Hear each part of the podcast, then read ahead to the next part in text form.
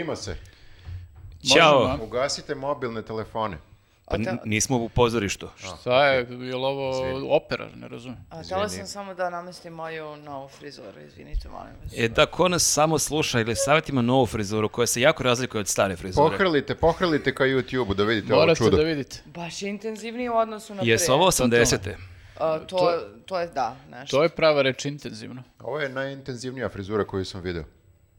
Ošišaj me na intenzivno. Znači, ne sviđa vam se. Ne bre, super je, stvarno. Da. Stvarno je dobro. Hvala. Ja ne mogu da prozivam bilo koga za frizuru, tako da šta god da mislim, To je nebitno je. tačno, to Da. je tačno. A, dobro, ljudi, šta snimamo danas, beše? Pa ne snimamo znam i- više, snimamo sto nekih stvari. Ne znam gde udaram. Bukvalno, ne znam da udara moja slavica. Šta danas radimo? Samo mi kažete šta da pričam. Šta snimamo? Šta imamo? Podcast i popcast. I news listavanje. I news listavanje. Šta još? Tri stvari Ovo je radimo u životu. Popcast. Ovo je sad popcast. Popcast, popcast. Znači, prešaltujte se na kulturu. Ok, i, na- i na razne kulturne sadržaje. Od čega ćemo da krenemo? Od filmova ili Od- serija? Prvo ćemo se zahvalimo prijateljima. Od prijatelja. Prijatelji podcasta prvo, znaš. Aha, Popcasta. drago mi je, volim što znate... A to je bila tvoja finta, htjela da, si da. vidiš da li pratimo. Jeste, jeste, da. Da mi, ovaj, uh, htjela je da nas šejmuje ovde, kad da kažemo smo zaboravili prijatelji. Jeste, ova strana stola ima prijatelja na majicama, a ova Jeste. strana stola na nogama. Noge. Tačno, mi smo tim noge. Za izgled naših nogu se u ovoj epizodi pobrinu Converse. A za izgled naših, uh, naših torzoa uh, se isto to... Torzoa. Torzoa. Okej. Hello, Pa, pardon mi. Jest. Trup. Tru, pa, do- pa ne mogu kažem trupova, delo je čudno. Za izgled vašeg trupla. Za izgled vašeg trupa, ako, Ako želite želite imati da... ovakav lep trup kao mi, kupite Converse. A, samo da vam kažem, ja sam bila na sajtu uh, converse.rs i pronašla sam, mislim, moje savršene čizme za, uh, za zimu. Pogledajte kako su magične. E, č- e, sad se pomerio. mrdaju se. Znači ovako, zovu se uh, Run Star Legacy Chelsea Boot CX. Wow, pa to- Kao neki auto da imam na nogama. To je, da, da, baš su ovi iz Converse malo poludili s tim modelima, svašta nešto prave. Su to čizme za, za trčanje. Ran, kaže ran. Pa dobro, ali kao možda brzo To je hodanje. u, neki kao urban boots. Pa šta će tebi to onda? He- Zato što ja baš he. dobro brzo hodam. Nek ti kaže Dobro, Teodora. za nju je uh, Walk Chelsea. I uh, ne, e, da, Darko može da posvedoči, naš kolega Soko, da ja jako brzo hodam. Ako imam jednog, kako znam ceo grad, imam jednog svedoka da brzo hodam. To mi je okej dele. A, šalim se, nisam vidio kako izgledaju, ali sam uveren da su dobri. Uveren sam da ćeš ih dobiti u nekom trenutku. Ja se, Mora, na- da. ja se nadam da da, zato što mi se baš sviđaju. Ako neko iz Converse ovo gleda. I slagaće se s ovom brzom frizurom. Tako, moja kosa nije brzo, moja kosa je retro. Intenzivno. Evo, izvini, intenzivnom frizurom. Intenzivno, baš je. Zato što su i ove patike intenzivne jako. Pa ja sam pomalo intenzivna žena. Primetili smo. Da, to je bio, bio bi dobro ime nekog časopisa, koja, što imaš praktična žena, da imaš intenzivna žena. Možemo Ja- to da pokrenemo. Na naslovnoj strani ovako prostodušni osmeh. Ali e, svaki broj si ti na Da, naslovnoj da, strani. e, ono, na kiosku debeli, ali srećni i intenzivne žene. Zašto si me baš stavio pored tog časopisa? Pa, to je najbolji Pored, naziv pored. časopisa, debeli, ali Čekaj, je srećni. stvarno ima taj časopis? Postoje jedno vreme, ne znam da li postoje Debeli uvijek. srećni? Debeli ili srećni. Cancelovali su ga. Zato što, Da. znaš, Ne ne možeš, može, brate. možeš da kažeš debeli. To više nije okej.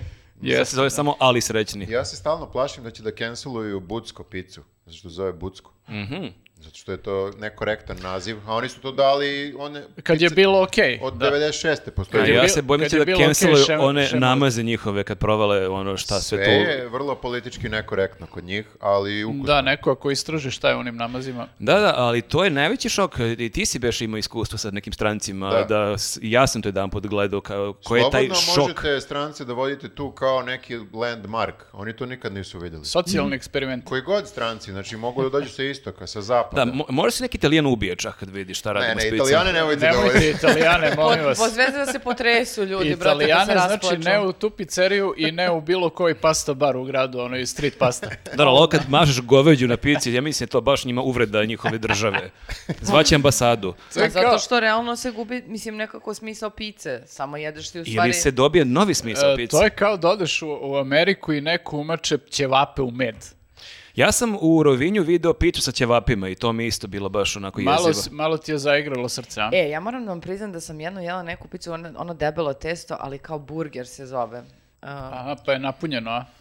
vrlo nastrano, z- a, moram da vam kažem. Kao punjeno je meso. Uh, da, ima i kačkavalj, onako, onaj koji se topi. uh, A i... čekaj, jel gore ima kao šunka, pečurke, pelat? Ne bre, nego kao mleveno meso, znači sad kao burger samo na pici. A, na, a unutra, u testu, ništa, testo. Ništa, testo, testo. E, pa to je propuštena Ali, prilika. e, Mogli su neke viršle do gruna. Mogli su. Ili, da. Znate ili ko- od ozgo još jedno testo i onda pravi burger. Znate koliko je to intenzivno? Ja sam pojela dva puta to i bila sam u fazonu, ako ovo nastavi, i to sam se malo navukla, znaš, namenski sam išla u taj deo grada i kao slučajno sam baš u tom trenutku gladna i pojedem, ali ono pojedem pola tog parčeta i osjećam kako mi ovako obrazi rastu dok žvaćem. Znači, Mislim baš da, je se ovo, bojiš mislim da je ovo a, dobra ideja da imamo news e, kulinarski jedan podcast. Pa mi to pričamo već neko vreme. Inače da je, ja bih mogao da se zahvalim svim ljudima, ja sam kukao pre u nekom podcastu kako je Barilin Pesto jako skup i nekoliko ljudi mi je pisalo gde ima na akciji Barilin Pesto i vama čujem da su pisali. tako Jeste, čula sam da ima pesto za 180 dinara. Da, Posle- e, ali to nije Barilin. Mogli bismo i neki potrošački njuz pa dojavljujemo jedni drugima gde ima šta na akciju. A, akcije dojava, news dojave. Ljudi, ja vas molim da ne pokrećemo više ni jedan Što? format. Što? E, Zato što imamo dovoljno i sada ovo treba da... To njuz, njuz potrošač. Nije nikad dovoljno. Pitaj ljude, pitaj ljude na kanalu da li je dovoljno. Aj pitaj ih. Ali kad više, ne, mi non stop... Ljudi- Sad, na primjer, evo, zamisli sad, na primjer, posle ovog podcasta danas, posle 3 sata, 4 snimanja, odmah posle toga produžimo, snimamo još jedan. Zamisli. Prvi to ne bi Ti shvataš, ljudi, im, ljudi nekad po Verovatno. 3-4 dana nemaju nijedan novi sadržaj na našem YouTube kanalu. To nije normalno Zamisli, uopšte. zamisli, pa nek, ne znam. ono. To bi bila najgora televizija na svetu. Ma nije Jedna dobro. emisija i onda kao čekaj tri dana za sledeću emisiju. Nije, znaš šta, oni, ako ćemo pravo, oni dobiju stvarno domaći u ovim našim podcastima, do gomilu stvari da preslušaju, pregledaju, pročitaju, tako da ne brinem se ja za njih. Ja se brinem za nas, za naše mentalno zdravlje. E, kad smo kod toga, evo te. Neke, Reci. neke preporuke treba da damo za, Treba, za, treba. za filmove. A, jel? A za mentalno Hoćeš zdravlje, to- posle se uplašila ko je sad ni... Šta sad? Ne, ne, Psihološki Treba podcast. da krenemo sa popkastom. to Ali da treba pozovemo ljude da nas podrže na Patreonu i na YouTubeu, to nekad zaboravimo da kažemo. I da se subscribe na naš kanal. Jeste, jeste, rasti. Idemo ka 51.000. Hoćemo svaku hiljadu onako da najavljujemo. Pa, Pa ne znam baš, ajde 10.000 ono kao slavim. Da, da, ovo, jadno je ovo kao. Sad, sad imamo 50.000 i A 5. ne, Dobro, jedan je odustao, u jedan je ugasio nalog, a ne evo ga drugi. jeste, ja sam Ne se znam malo... zašto se ljudi ne subscribe-uju. Mislim, ja se prvi ne subscribe-ujem ni na jedan kanal, ali, ali, ne mogu, ali ja nisam kao ostali ljudi. Da ti si ipak Da, ti si zvezda. baš neobičan. Ja sam poseban. Jel vi poznati se ne subscribe-ujete ni na šta? Pa ne, mislio sam da, da je to samo moj problem, a očigledno da je to problem koji postoji Nije, u naciji. vidiš da nisi poseban. A, nedovoljno se priča o tom problemu u Srbiji, što se da ljudi... vređamo ne, ne Viktora. subscribe-ovanje. Ne, da, da, da. A, ja shvatam, ja shvatam da je to teško. Mislim, zato što iz moje perspektive gledam, shvatam da je teško subscribe-ovati se.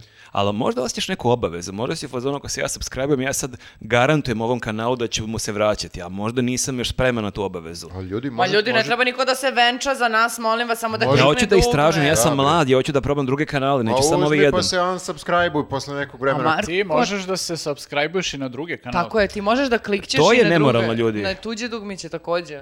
Ja verujem u YouTube monogamiju. Ako se oladiš posle nekog vremena od nas, možda se unsubscribe-uješ. To su rastanci. Demonstrativno. To je jako tužno, ne volim rastanke. Ja kad sam jedan put otkazivao Netflix, pa kad sam dobio one pasivno-agresivne poruke, Marko, Jesi baš siguran? žao nam, jesi siguran, u čemu je bio problem, Marko, a zašto, šta nije A, u redu, ostani još neki dan. popuni formular, ajde, nadamo tako se, osjećaju za na- clipping? nadamo se da će, nadamo se da ćeš nam se nekad vratiti, da ćemo biti prijatelji. Ljudi, nisam vam rekao, sad si me podsjetio. Uh, uh, znaš da smo se subscribe-ovali na Twitter kao news? I to sam ja uradio sa mog uh, naloga. 8 dolara je koštalo Elon Musk. Najbolje potrošenih 8 Pizda mu dolara. materina. Znači, dobili smo bili onaj Dobro. Plavi, plavi onaj, da, da. onaj check mark. I on je posle toga i promenio ime, ne zove se ni Twitter, sve je Čekaj, to je 8 dolara mesečno ili Da, onokratno? me- Sad je Mesečno. X. Mesečno. I istekne mi, posle nekog vremena nemam ja para na kartici, to Da, znate i svi. za tih 8 dolara ne dobiješ ništa. Da, ne dobiješ ništa. Nema veze. Dobiješ taj kao da smo bitni. Ja Dobro. kao ajde probamo da vidimo šta se dešava. Sećate se kad sam vam rekao? Sećamo, Da. sećamo se. Kako lažete?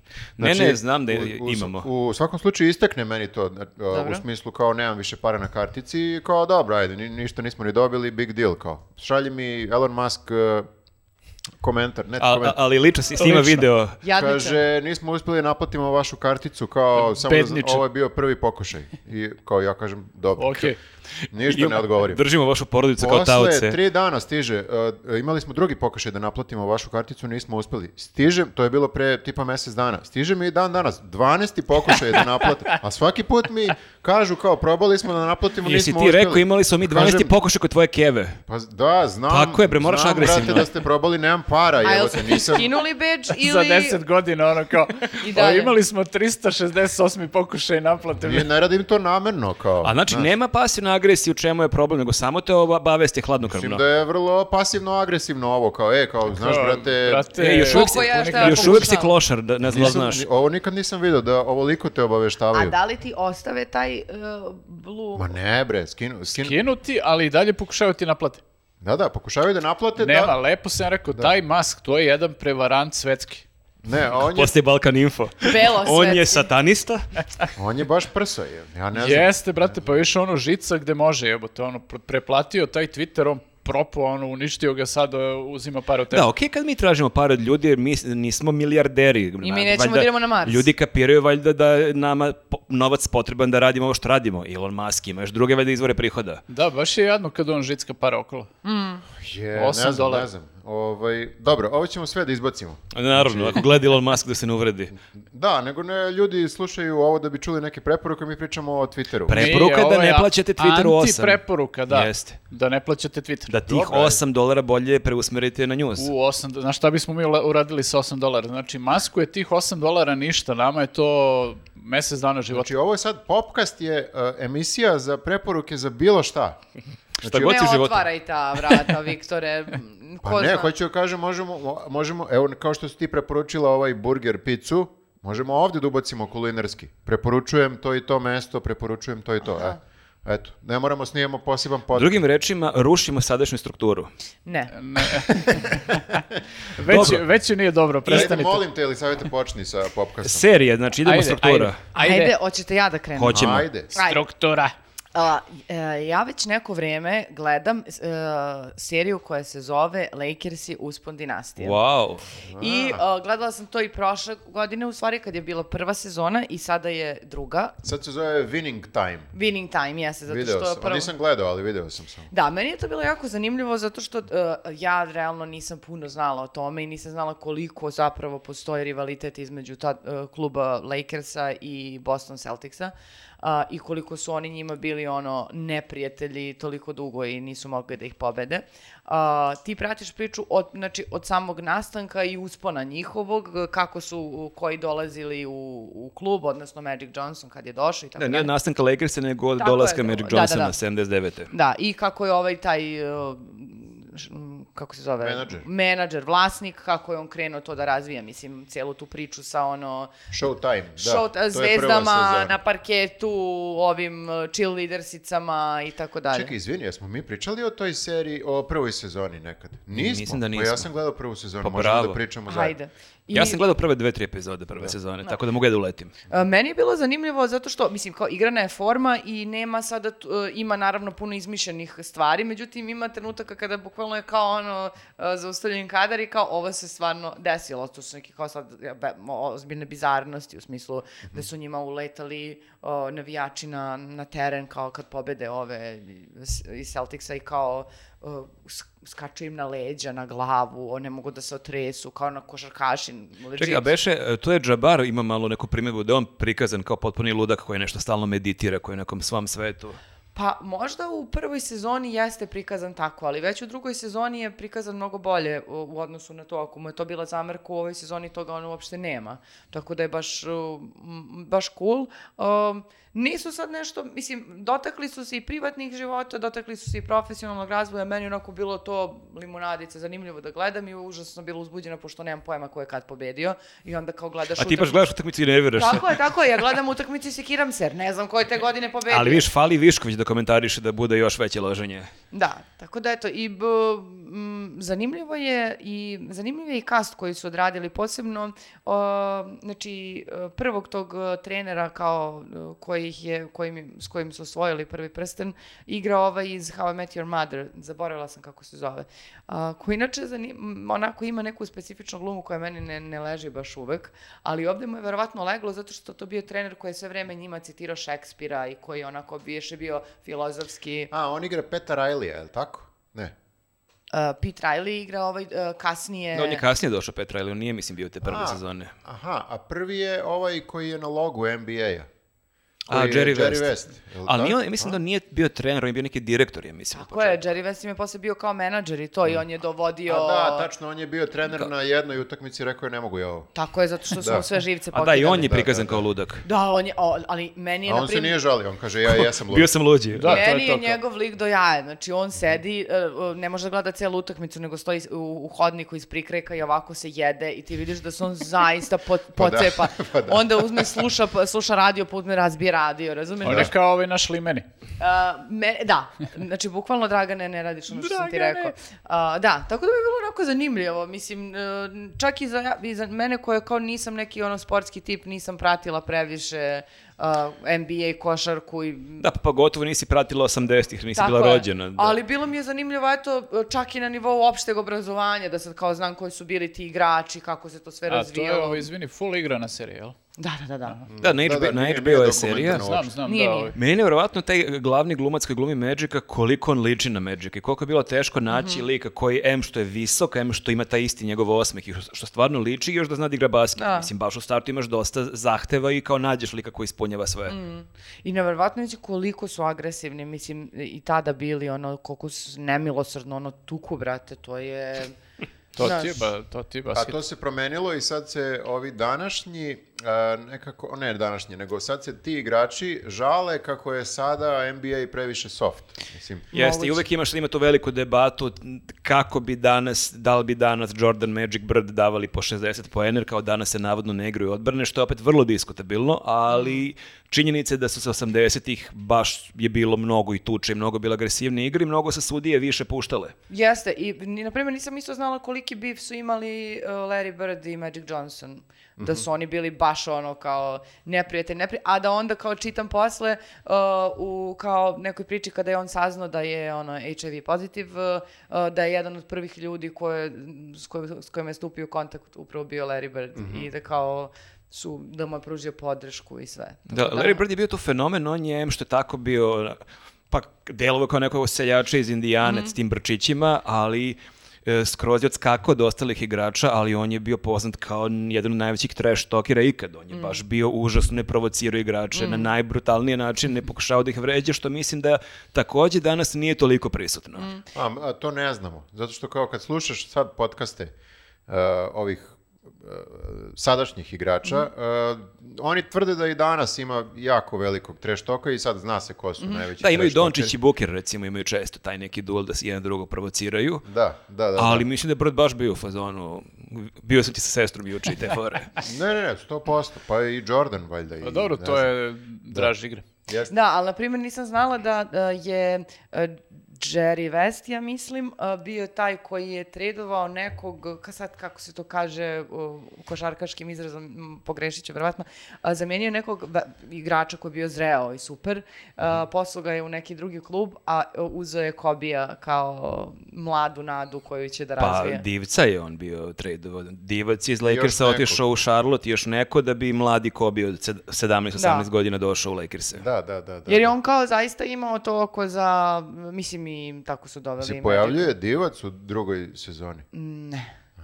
Vidiš Ne, kako nisam. nepravda. Glumi ga Đuričko. Pa Da, ne, u ali- stvari, ja čekaj, divac je koje godine? 89. On je 89-90, čini Da. mi se Ovo, je, ovo su počeci i e, nekako ja sam očekivala da će doći i, i, i dalje, znači Aha. međutim serija se završava u drugoj sezoni koliko sam A ja. to je kraj, pošto serija, se sećam, počinje nekom 91. Tako kada je. Magic sazna da je HIV Ali, pozitivan i e, onda se vraća u prošlost. Znaš, ja sam isto mislila da će biti još sezona, ali što si u tome da e, na kraju druge sezone se ispisuje ovaj osvojio Šta toliko se i dešava, da. toliko. Znaš, kao sad ono odjava je. A kojom godinom, kojom sezonom završavaju? Pa ja mislim da je to, 91. kad on dobije sidu Ne, i to je to. nije sezon. Onda bi bilo Divca da je 91. Nije, sada se završava kad su izgubili od uh, Celticsa, kad su prvo vodili, na primer, prve tri, A i dobro, su... Ne, izvinite, sad ne veze. znam tačno koje godine. Gledajte pa ćete vidjeti. Mislim, zanimljivo je, čak i ako ne volite NBA ili sport generalno, Mm. meni je bilo zanimljivo uh, iz, uh, iz biznis perspektive, Mhm. prva sezona, nisam gledao drugu, a ja nisam znao da je taj Showtime, kako se i zove, krenuo sa Lakersima. Mislio sam da to postojalo još, lupam sada, 70-ih, 80-ih, ali očigledno je krenulo baš od tog tima da oni prave od svake utakmice Event. event. Na a ne, a ne biti. samo utakmica gde ti dođeš i navijaš, nego uh, Da, da utakmica... bude događaj, ono. Da, da bude događaj da probaju na što više načina da te zabave i da ti uzmu pare. Da, da. Pa dobro, mislim, to je ono što generalno Amerikanci rade u- Da, u, ali- većini ali- biznisa. Ali nisi znao kako nastaju, na ali, primjer. ali to je bukvalno počelo tad i Da. to prikazuje prva, prva sezona. To mi je bilo nekako Pa onako kako su kao- došli na ideju da ubace cheerleadersice, tako što je došla njegova ćerka kao i bilo u fazonu, možda bismo mogli kao da neke elemente, ne znam, plesa, ovog onoga, i onda su dali prvo jedne kostime, pa je on ovaj odbio i onda su bili u fazonu, aha, sex sells, i onda su ih A kao... čekaj, zar nisu postojali cheerleadersice i ranije u američkom futbolu još no, nekih 50-ih, Ja 60-ih? isto mislim da Sorry, su ne postojale, znam, ali, ali- možda ih je ovaj, ne, izvini, postojale su, ali mislim da ih je ovaj uh, učinio više seksi. Mislim A da je moguće. to uh, bila fora sa Da. sex uh, sells.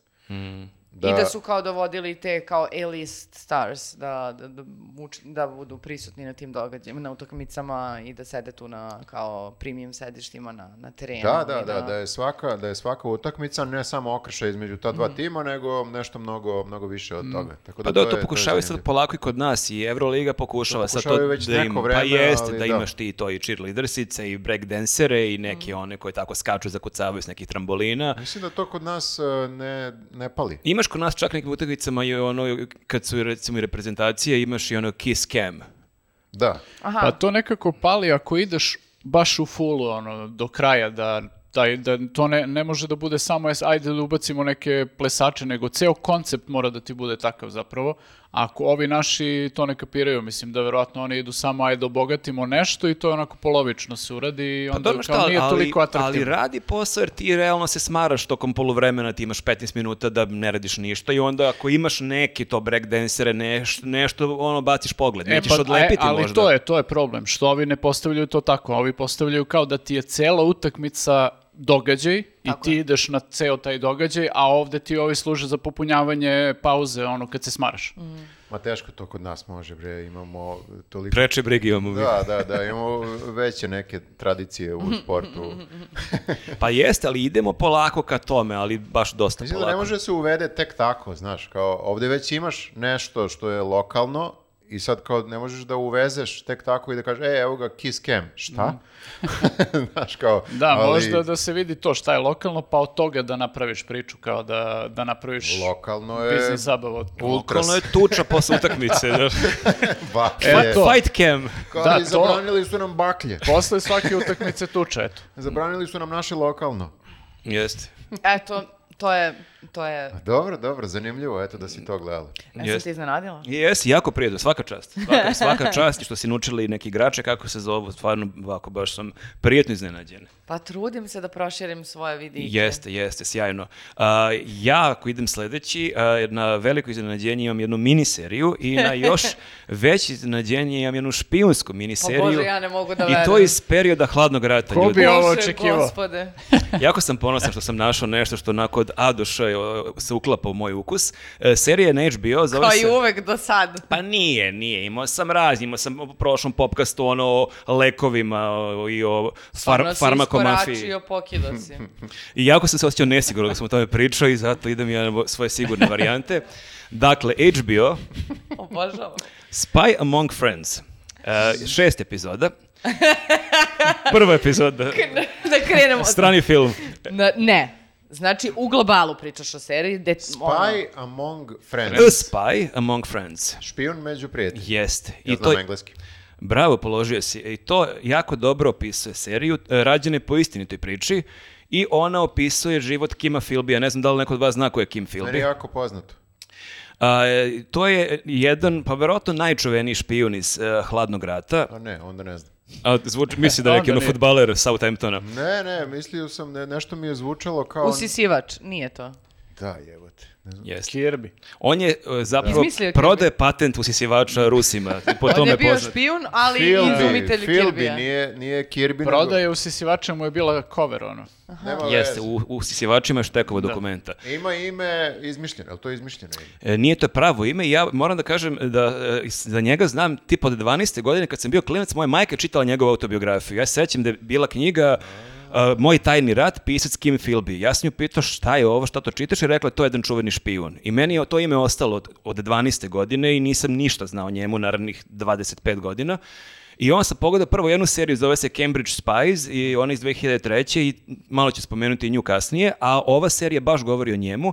On je zapravo, to je bilo ludilo priča, uh, bila je ekipa uh, studenta na Cambridgeu, jako iz nekih bogatih, uh, uspešnih porodica, onako klasični, oni uh, high class engleska, koji su tu studirali svakojake stvari na Cambridgeu i koji su se uh, naložili tokom studija na komunizam. To je bila to su 30. godine, dakle taj baš period njihovog studiranja i to kako studenti, jako bogati studenti i privilegovani ulaze u priču o komunizmu i kreću da rade za Sovjetski savez, to je baš detaljno opisano u ovoj staroj seriji Cambridge Spies iz 2003. A ovo opisuje kasniji period, situaciju koja je zaista bila ovako jedan najveći skandal u tom periodu hladnog rata, kada Kim Philby otkrivaju ga Englezi da je decenijama radio za Sovjetski savez, on je bio jako visoko pozicioniran u njihovoj engleskoj tajnoj službi i on uspeva da prebegne u Sovjetski savez. I onda zapravo cela serija opisuje odnos, zato se zove Spy Among Friends, opisuje odnos dva najbolja prijatelja koji su Kim Philby i još jedan čovek koji je takođe s njim radio Putin. je, ne, za Engleze radio i oni su bili najbolji prijatelji i upravo pisao taj moment e, koliko je u tom svetu neverovatno kako možeš da imaš najboljeg prijatelja i kolegu s kojim godinama radiš i delo da nemaš nikakve tajne i da shvatiš u jednom momentu da on sve vreme radio za onu drugu stranu, ali i dalje postavlja ta pitanje koliko to utiče na vaš suštinski odnos. Da li vi dalje imate neku emociju i da, da li je to otprilike, da li ti možeš da odvojiš ono lik i delo. I onda je na jako zanimljiv način opisuje i glume dva sjajna glumca, kima uh, Philbija glumi Guy Pearce, ja sam vidio da mi je on poznat od nekud, ali nisam mogu setiti odakle, on je glumi, glumi u Mementu, glavnog Da, lika. u masi filmu. Da, ja nisam, ono, potpuno nisam mogao da ga povežem u trenutku, a ovog njegovog prijatelja glumi je Damian Lewis, koga znate iz Homelanda, Billions. iz Billionsa, oni riđi e, tip. I on je potpuno perfektan, on je zapravo glavni lik i on zapravo njega sumnjiče da je on pomogao možda e, Kimu Philby, jer on je s njim imao neki sastanak u Bejrutu gde je trebalo da otprilike vidi šta će oni s njim da rade i on je sutradan misteriozno pobegao u Sovjetski savez. I onda je on zapravo tu dosta sumnjičen, da li je možda i on, da li radi za Ruse i kako je on njemu pobegao i da li on njemu možda, da li ga je pustio jer mu je ovi za uzvrat dao neke poverljive dokumente, a čitava serija prati jako dobro njihov odnos i prati Kima Philbija koji onda odlazi u Sovjetski savez i kako se on snalazi tamo, kakav je taj šok da ti radiš za Sovjete i idealizuješ njihov, njihovu ideologiju i onda odeš u Rusiju i vidiš kako to zapravo izgleda i ti koliko god si možda bio za tu neku ideju, nisi baš spreman, ne znaš ruski, nisi spreman za život 60. godina u Sovjetskom savezu. Tako da jako, jako su super glumci i taj Damien Lewis toliko dobro glumi jednog tako pravog Britanca, e, toliko zajebanog, ali ne zajebanog u smislu da će on sada te prebije, nego toliko namazanog, toliko, toliko sklonog da ti nekim spletkama upropasti život i karijeru. I gledajući ovu seriju, ja sam baš nešto razmišljao, a, ja baš to ne bih mogao da radim, moram da kažem. Znači, ako hoće neka sad e, domaća ili strana služba da me vrbuje, ja na to uopšte nisam spreman. Ali znaš u čemu je problem? To bi svaki špijun rekao. Jeste, da, sad Mislim sam previše, da sam previše dobar. Da. Nekako, kao da nas pripremaš uh, sa celom ovom pričom. Ovo je finta. Ja radim, Ovo je jako sumnjivo što je rekao. Ja radim za Hrvate sve ovo vreme. Oni su prijatelji, cijeli ja život. hrvatskim podcastima otkrivam šta mi radimo u našem podcastu. Kao ja da budem špijun, ma šta da vam pade Ne, na ne, pamet. taj, znaš ti kad gledaš špijun e, i ti onda imaš te ideje, to, neki James Bond, e, tuče, pucnjave, jurnjave kao, ok, taj deo tu nisam spreman definitivno, ali zapravo mnogo mi je komplikovaniji taj deo spletkaranja i taj deo da ti treba da čitaš ljude i kad imaš toliko slojeva i laži i e, Treba obmana. da i- izdaš e, prijatelje. I da izdaš i da e, zavaraš i da daš lažni trag i da misliš sedam koraka unapred da ti kad otkriš ovome ovo da će on time da osazna ovo, a ti si ga zapravo poslao neku fintu. Previše. I treba, da, posla. I treba da zapamtiš sve te stvari. Ja Mm. sam to isto pomišljala nekad, bože, ja da sad treba... Spetljala bi se u lažima. I još njima po pijanstvu, treba da Jest. podvališ nešto, a ti zapravo si manje pijen pa glumiš da... Mislim, znači, ja na to nisam Nije- spreman, nije ljudi. to, nije to za lenje ljude. Ne, ja na to uopšte nisam spreman. e, Pa nismo lenji, nego samo nemamo kapacitet da zapamtimo sve. Pa ne, ne, ne, ali ima a dosta ne smiješ, posla. a ne Prosto, smiješ, da. da, ne smiješ ni da zapisuješ, jer to Prosto mogu ti nađu. nisi za to. Pa nismo, nismo. I e, shvatio sam da e, serija je meni stvarno legla, i ona nema neke epohalne ocene, ja sam se baš pitao u čemu je problem i onda sam shvatio uh, fore što je serija rađena po istinitoj priči, koja jeste sigurno malo još izdramatizovana, ali mi se čini da možda publici nije toliko legla jer je malo spora možda za ukus ovih novih generacija. Mnogo više ima taj vibe e, špijunskih serija i filmova iz 80-ih. Dakle, sporije ide priča, ima ta neka napetost, ali nema jurnjava, pucnjava, ima nešto jako malo. Dakle, nije uopšte point u tome i onda je mene jako podsjetilo recimo na te neke filmove, ja sam recimo jako voleo Bornov identitet, ali ona stara verzija iz 80-ih. Ta mi, to mi je bio jedan od omiljenih filmova moje mladosti. I ja kad se pojavio novi Jason Bourne sa Mattom Damonom, ja sam bio onako ogorčen u prvi mah. I jako sad volim te filmove da gledam s pola mozga, jer kao Jason Bourne ne treba da bude samo kung fu junak, ok, on ume, ume da se bije, super, Nego je jako pametan. ali taj stari film ima neku toplinu, ima taj neki odnos njega i ostalih ljudi, ima taj, tu neku dramsku napetost, a nekako ovi novi su malo izgubili tu dušu i ima sjajne akcije, jurnjave, pucačine i to je sve zabavno, Da, postaje da. kao Mission Impossible. I meni je malo falilo taj neki ljudski element, što kažem, i volim da pogledam i ove neke nove Jason, Jasone Bornove, ali ovde, ova me serija malo vraća na taj, na tu malo sporiju radnju, mnogo real, realističniju i nekako onako imaš tu dozu napetosti, ali ne napetost tog on, ubici, Akcije. ubice iza ćoška, nego to da otprilike ti treba i sam da vidiš ko tu protiv koga radi, ko tu spletkari, ko je dvostruki, trostruki agent i stvarno u jednom momentu ti deluje kao ljudi kako ovi kako ovi ljudi mogu da funkcionišu. Ponavljam, ja to ne mogu. Pa ne, da, sad si me Što podsjetio. više ponavljaš, što više sumnjamo. Zapravo, Jeste. dojavljam sad eh, hrvatskom podcast inkubatoru Sumnjam se, sve što ste sumnjam se. rekli. Ne, podsjetio si me ovaj, to kad kažeš da je neki posao koji zahteva previše planiranja, odgovornosti i tako to, da meni moji roditelji, otac naročito, mi kaže da je to razlog zašto ovaj, nisam, nisam postao narkoman. Zato što zahteva previše planiranja i odgovornosti i nije to za mene. Da, dobar. To je nešto najlepše što ti je rekao, otac Ika, da. Pa pazi, da, ako se uvališ u problem, pa kao nemaš pare za drogu, moraš da isplaniraš pljačku, Znaš neku koliko je to krađu, stresa? da, da, Znaš koliko je to stresa? to je da te ne stresno. uhvate, da te ne provale, da moraš se kriješ. A zamisli da... ako si špijun narkoman. Au. Imaš duple probleme. Pa onda. ne, nemoj, da. nećemo Onda sad. si četvorostruki agent. Ti moraš da Ne, ne, ne. hendluješ i dilera i zelenaša nekog kod kog si se zadužio i Jest. porodicu. I moraš mnogo da. dobro da lažeš, da prodaš Jeste, neku priču, da ti stava ti auto. ovo prvi put da sam čula da su narkomani ono najveći radnici. Nisam da. Nikad, ni- e, e, razmišljala o tome na su, taj način, Dobri su ali- organizacije do momenta kad se sve raspadne. Pa to ti, da. A naročito kad se raspadne, onda, na- onda najviše moraš da budeš dobar u organizaciji. Tako da sve, ono, sve je to povezano. Znači, narkomani imaju najveće menadžerske sposobnosti. Pa ne, ne razmišljaš o tome na taj Da. način, ali zapravo da. Kao, šta su vaše menadžerske sposobnosti? Pa prethodnih 20 godina sam bio na dopu. Kao. Pa to je čovek, to je čovek koji zna da se snađe. Odlično, ovaj čovjek ide u top management. Da. Da, zapravo jako lako biti HR, samo imaš onaj na, narkoman da ili ne, da, izvolite. Koliko godina? Od 5 do 10 low? Da, treba Vaša samo da... kancelarija je na ćošku. Da, treba samo da održe da se e, sve ne raspadne dok se oni ne raspadnu. Pa dobro. Ni- E, ti što nisi narkoman, šta si gledao? E, pa e, zapravo... Ništa. Nema, ima, imam, ne, ja sam, gledao sam, počeo sam da gledam neku, neku seriju, ali nisam, mislim, do, okej je, ali nije ono kao strava. Ali kad sam počeo, šta da radim? To je- Ajde, tako koja? je kako je. Ispuštaš. Zo- Zove se uh, Florida Man.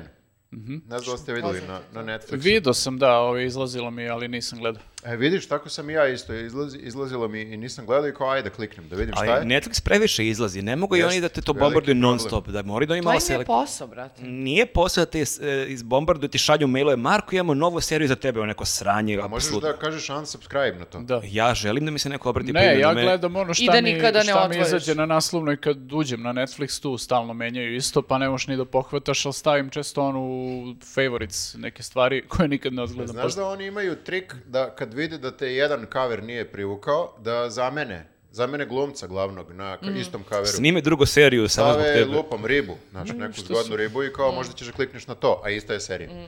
I ja kliknem. Ne, ugla... uglavnom, uglavnom Gola ne. žena, da, hoće znači, da ako gleda. gleda neko iz Netflixa za Viktora, samo ribe stavljate. Ne, nije, nije. Florida Man je imao jedan ti isti kaver, glup jako, nečije oči, odnosno nečija glava koja viri iz vode, verovatno u Floridi. Ali e, mene je to kopkalo, pošto znam za naziv Florida Man, to je mim koji postoji već godinama na internetu, zna, možda ste i vi vidjeli povremeno. Mm, nisam. Sve najluđe vesti u Americi koje vidiš, desile su se nekome u Floridi i uglavnom muškarcu, belom muškarcu uglavnom. Uglavnom, ti, si, ti si možda video. Jesam, jesam, da. Da, da, da. I imaš gomilu naslova koji počinju i koji su jako ludi, bizarni. Florida. Flo- Florida Man uradio to ali, i to. ali to bukvalno jeste, izvini samo da te prekinem, pre pet dana sam video vest bukvalno da je ovaj, uh, od, doduše ovde je bilo telo Florida Mena, Da. uh, koje su negde u nekom jarku našli tako što su videli aligator od 5 metara da jede nešto i došli su i videli kao da on jede zapravo telo nekog čoveka. Tako da da, to su te ono sumanute vesti.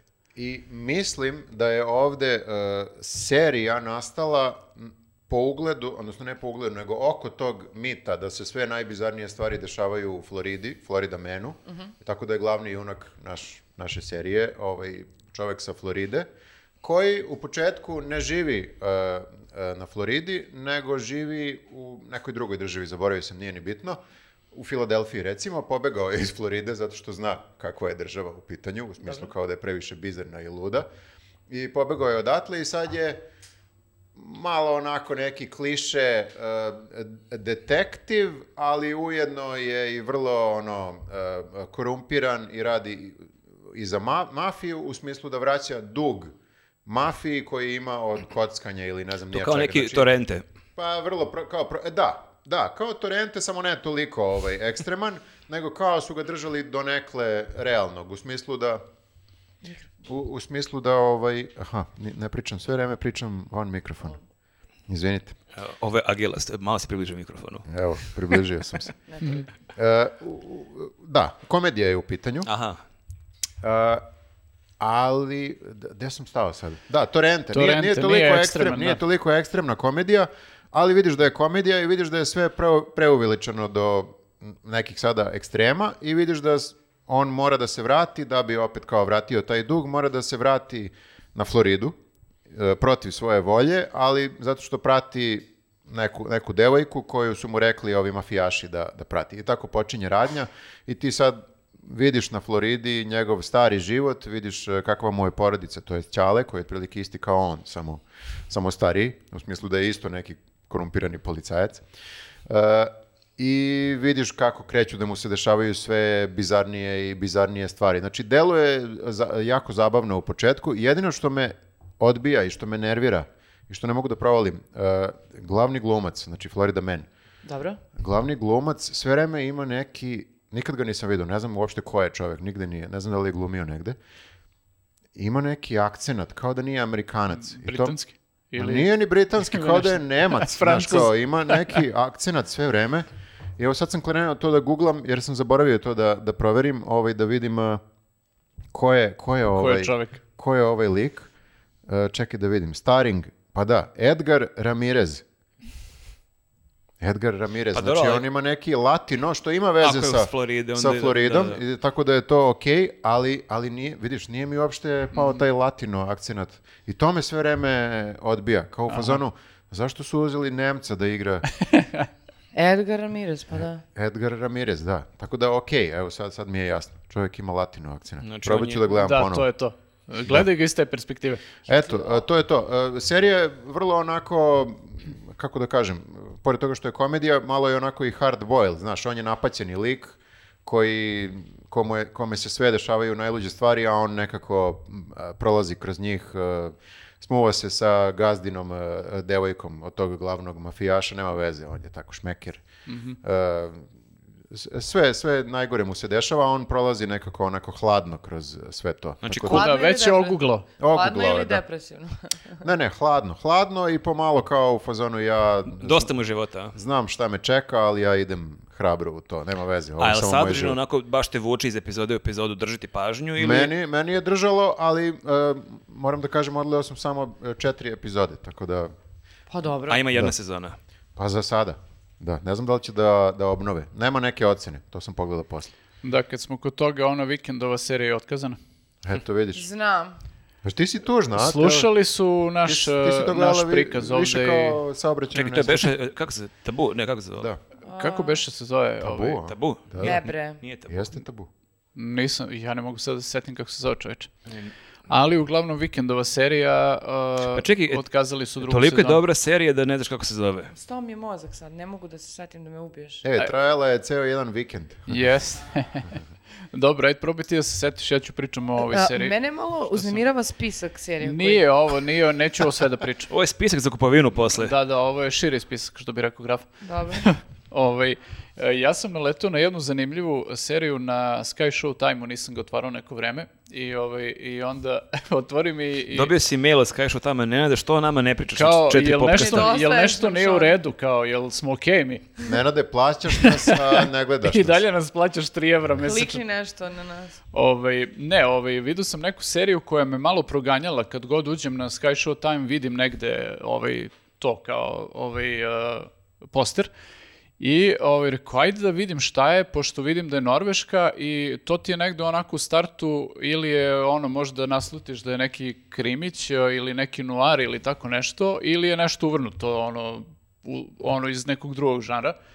Ispostavilo se da je ovo onako a, jedna komedija, drama koja a, za sad su izašle, izašle osam epizoda za sad i ovaj, to me sad malo nervira. Ja sam očekivao da je već možda cela e- serija tu da mogu da izbinđujem, ali ovaj, a, osam epizoda je izašlo i zove se Welcome to Utmark. Utmark? Utmark. Kako se- E, Švedska? E, ne, e, Norveška. Utmark. Ja mislim da je Norveška. Zapravo se ne kaže Utmark. Utmark. A, ali to nije, ali to nije mesto. E, jest, Jest? jest, E, pa mesto. onda, onda nikad nisam čuo za tome, to je ko zna. A, neko e malo pa, mesto. znaš šta, to je neko jako Ili- malo mesto koje je na negde baš zabačenom, čak u, Severu, a? da, na severu je i čak u njihovim koordinatama je to Vukojebina. Mhm. I sve vreme tako ovaj, pričaju o tom mestu i žitelji tog mesta i ovaj, neki ljudi koji su tu došli kao iz nekih drugih mesta ovaj, malo civilizovanih.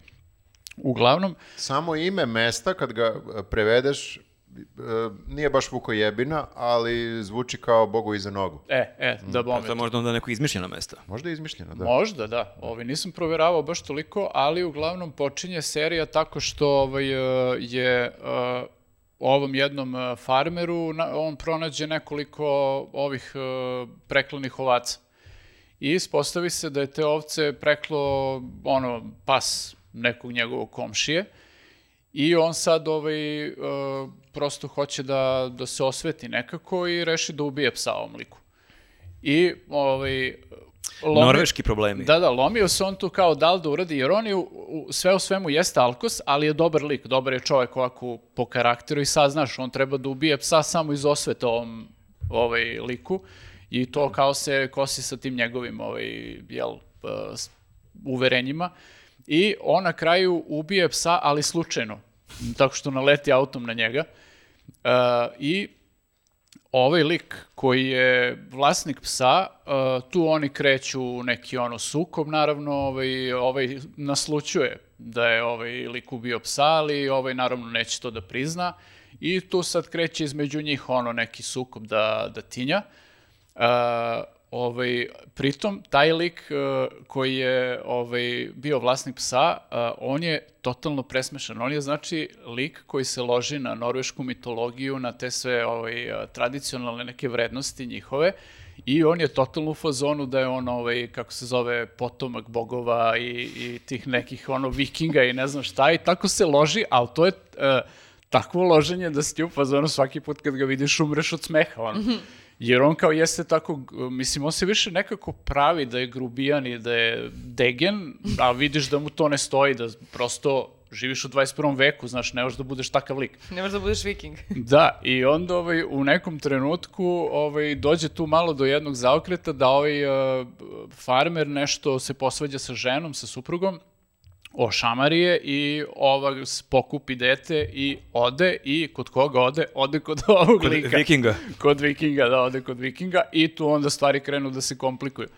I ovaj, tu u celom toj frci imaš uh, nastavnicu koja je došla da predaje u njihovoj lokalnoj školi, koja je došla to iz nekog civilizovanog mesta i koja je tako sva još puna entuzijazma jer uopšte ne kapira gde je došla. Ovaj, I gde joj svi objašnjavaju kao, brate, ono, šta očekuješ ti ovde? Jer ona kao, znaš, hoće sad da podučava decu, da uvodi neke nove stvari, da, znaš, sva je puna života, razumeš? A ovi su u fazonu, aj bolje da ti ubijemo tu volju za životom odma, jer kao bolje nego... Čekaj, je li to komed, je li to komedija? To je jako mračna komedija, jer ti sve vreme imaš taj osjećaj uh, ovaj, uh, da su oni u tom nekom na tom kraju sveta zaglavljeni su tu jedni sa drugima. uh, Ali znaš ti koja s njima plate tamo, brate? da, da, ovaj, totalno su... Ne mogu da ih ja žalim previše, ti odmah ovaj, kažem. Pazi, mislim... Manji su porezi na severu. Manji su porezi, verovatno, da, ali kad staviš nekako u taj kontekst, da, verovatno, ali uh, ti shvatiš da to uh, u, u tom nekom smislu, ok, možda nemaju taj materijalni moment da brinu o njemu, ali uh, oni su zaglavljeni kao bilo koje malo mesto i u Srbiji gde su ljudi zaglavljeni ovaj, Bogu iza leđa i ovaj, imaju... Plus je i hladno. I plus imaju taj moment, da. Ovaj, tako da je, o, jako je ono, uh, uh, komedija je, imaš i drame, ali je sve to onako dosta mračno. Čak i kad je komedija, to je onako, baš se kiselo smeješ, jer kao, totalno su svi, ono, Na, na, na, Norveška je e, serija, Jeste, na jeste. norveškom. Viktor dalje šokiran da je norveška serija. Ne, ne, okej, pa vidim ima dosta norveških serija, sad čak sam i počeo da gledam jednu, ali nisam o njoj teo da pričam, pošto sam odgledao jednu epizodu i nije mi se baš svidjela. Gangs of Oslo se zove. Aha. Ali pričat ću, ako uspijem da odgledam Sledeći put. sledeći put. Da, nego e, pitam te zato što nisam čuo na početku, ovaj, da li si rekao da je na norveškom? Jeste, jeste, da. Pri- Svi su tako nekako uh, bez, bez, beznadežno zaglavljeni tu. Ono, to je taj neki osjećaj koji sve vreme imaš i kao uh, na momente ti stvarno imaš uh, osjećaj kao što i taj farmer ima, mislim, kroz njega ti usade taj osjećaj kao čemu sve ovo, znaš, šta god da radiš nema ništa smisla, jer ti si tu negde zaglavljen, kuda vodiš život, razumeš, to je to, kao tu si, tu ćeš da umreš i kao... Pa imaš Što- norveški pasoš. Što bi se trudio oko bilo čega. Ovaj. I tako da je onako ovaj, za sad, mislim tih osam epizoda sam pogledao, ne znam koliko ovaj, je snimljeno do sad i koliko će da ide, Baš si me ali zainteresovao. dosta je onako, mislim, super mi je ta atmosfera, jer kao imaš uh, super likove gde ovaj farmer je stvarno istinski nesrećan lik i kod njega imaš stvarno tu životnu dramu. Imaš ovog vikinga de, Degena totalnog, koji ono kao ti je taj neki comic relief sve vreme kad god ga vidiš. uh, mislim, on je ozbiljan lik u smislu da on krene da tuče ovu ženu posle, pa kao shvatiš i to kao da je nasilnik. Ali, ovaj, Viking. da, Pa to nije preveliko Ovaj, iznenađenje. da, ali ovaj, uh, inače, ono, samo je, baš je taj tip ličnosti koji će da udari ženu, ali ne sme zaista da se suprotstavi nikome ko je ozbiljan protivnik. Ovaj, imaš tu te ne- neke ovaj, sporedne, tako da kažem, likove koji svako ima neku svoju priču i ovaj, uh, nema sad neke posebne radnje, nego ti samo pratiš ovaj, uh, bazira se na tom njihovom sukobu ovaj radnja za sad i ti onda pratiš uh, te njihove međuljudske odnose koji su jako zabavni, a i- jako su kao A čekaj, to je gotova je cela sezona momenti. ili izlaze još epizode Uh, iz ove ja sezone? nisam siguran da je završena ova sezona. A kako sam rekao se epizoda. zove, izvini? Uh, Welcome to Utmark. Okej. U- Utmark ne postoji, koliko vidim, kao mesto, E, ali... možda je to kao, ovaj, kao neko izmišljeno ili ono što si rekao, ovaj, da, Ne, to, to- Bogu iza leđa. To, pa, uh, ne znam koji bi bio najbolji prevod. Utmark znači nešto kao... Zabit kao neka ili to. Da, ja mislim da sam ja negde to i div- pročitao. divljina ili nešto, ničija zemlja, tako nešto. Znaš, malo... Da, ovo stvarno, mislim to, ovaj, kad si to rekao, stvarno je ovaj, ti, uh, fotografija je super, zato što mnogo je lepa priroda i sve je predivno onako, čak i kad ti vidiš da je to hladno i mislim nije sneg kao u toj prvoj sezoni, ali je hladno i kao baš je zabačeno i sve to, ali stvarno je predivna priroda to, ono, imaš šta da vidiš ovaj, ako voliš to, takve neke... Ti si išao po severu. Norveške? Nisam išao mnogo severno, znaš, stigao sam negde do polarnog kruga i onda sam se vratio Onda sam ovaj, dole. Pa ne, ne, mislim da, jeste, jeste hladno, ali samo nisam, nisam ovaj još uvek eh, išao toliko severno. Više sam se držao ovih toplih krajeva. Ovi- Ju- da, da, Oslo. jug, da, Oslo. Minus 20 kao. da, da, da, ne, bio Trondheim, Oslo, bio sam i u Bergenu, vidiš, eto. Mhm, Bergen, da. Da, To je- ovaj, ali da, to je verovatno, mislim sad ovako kad te slušam e, i kada pokušavam da, da prevedem utmark, to je verovatno malo i e, autoironija koju Norvežani često imaju na to njihovo kao gde su, gde su rođeni, gde žive i kao ko, čija ideja je bila kao od naših predaka da dođe ovoliko severno i da se ovde Da, pa nastani. jeste, da. A čekaj, jel, su, jel oni imaju taj mentalitet da tu ako su rođeni tu ostaju ili su u fazonu pali mi je za osla? Oni se, oni se jako mnogo sele i redko ko koji iz manjeg mesta ostaje u, u manjem mestu da, da živi. Mislim, ostanu neki ljudi sigurno, ali gomila ljudi jako brzo se osamostali, ode od roditelja i uglavnom idu za, u neki veći grad. Mislim. A ali imaš te migracije iz većih gradova posle kao manje sredine, da su ono u fazonu staro, Da. smirno i to. Da, da, da. Ima i ima to kao da je više ceđeno, ce, cenjeno a, predgrađe nego centar grada kad si stariji naravno i tako kad imaš porodicu. Tako da sve to što ono kao negde postoji i u Americi, postoji i u, u Norveškoj što se tiče tog mentaliteta, selitbe i... Mene je bio šok u Norveškoj kad sam bio koliko tih kućica u predgrađu su jako lepe, idilične, ali su od nekih dasaka, neke kao brbnare, kao kako njima nije hladno u tome.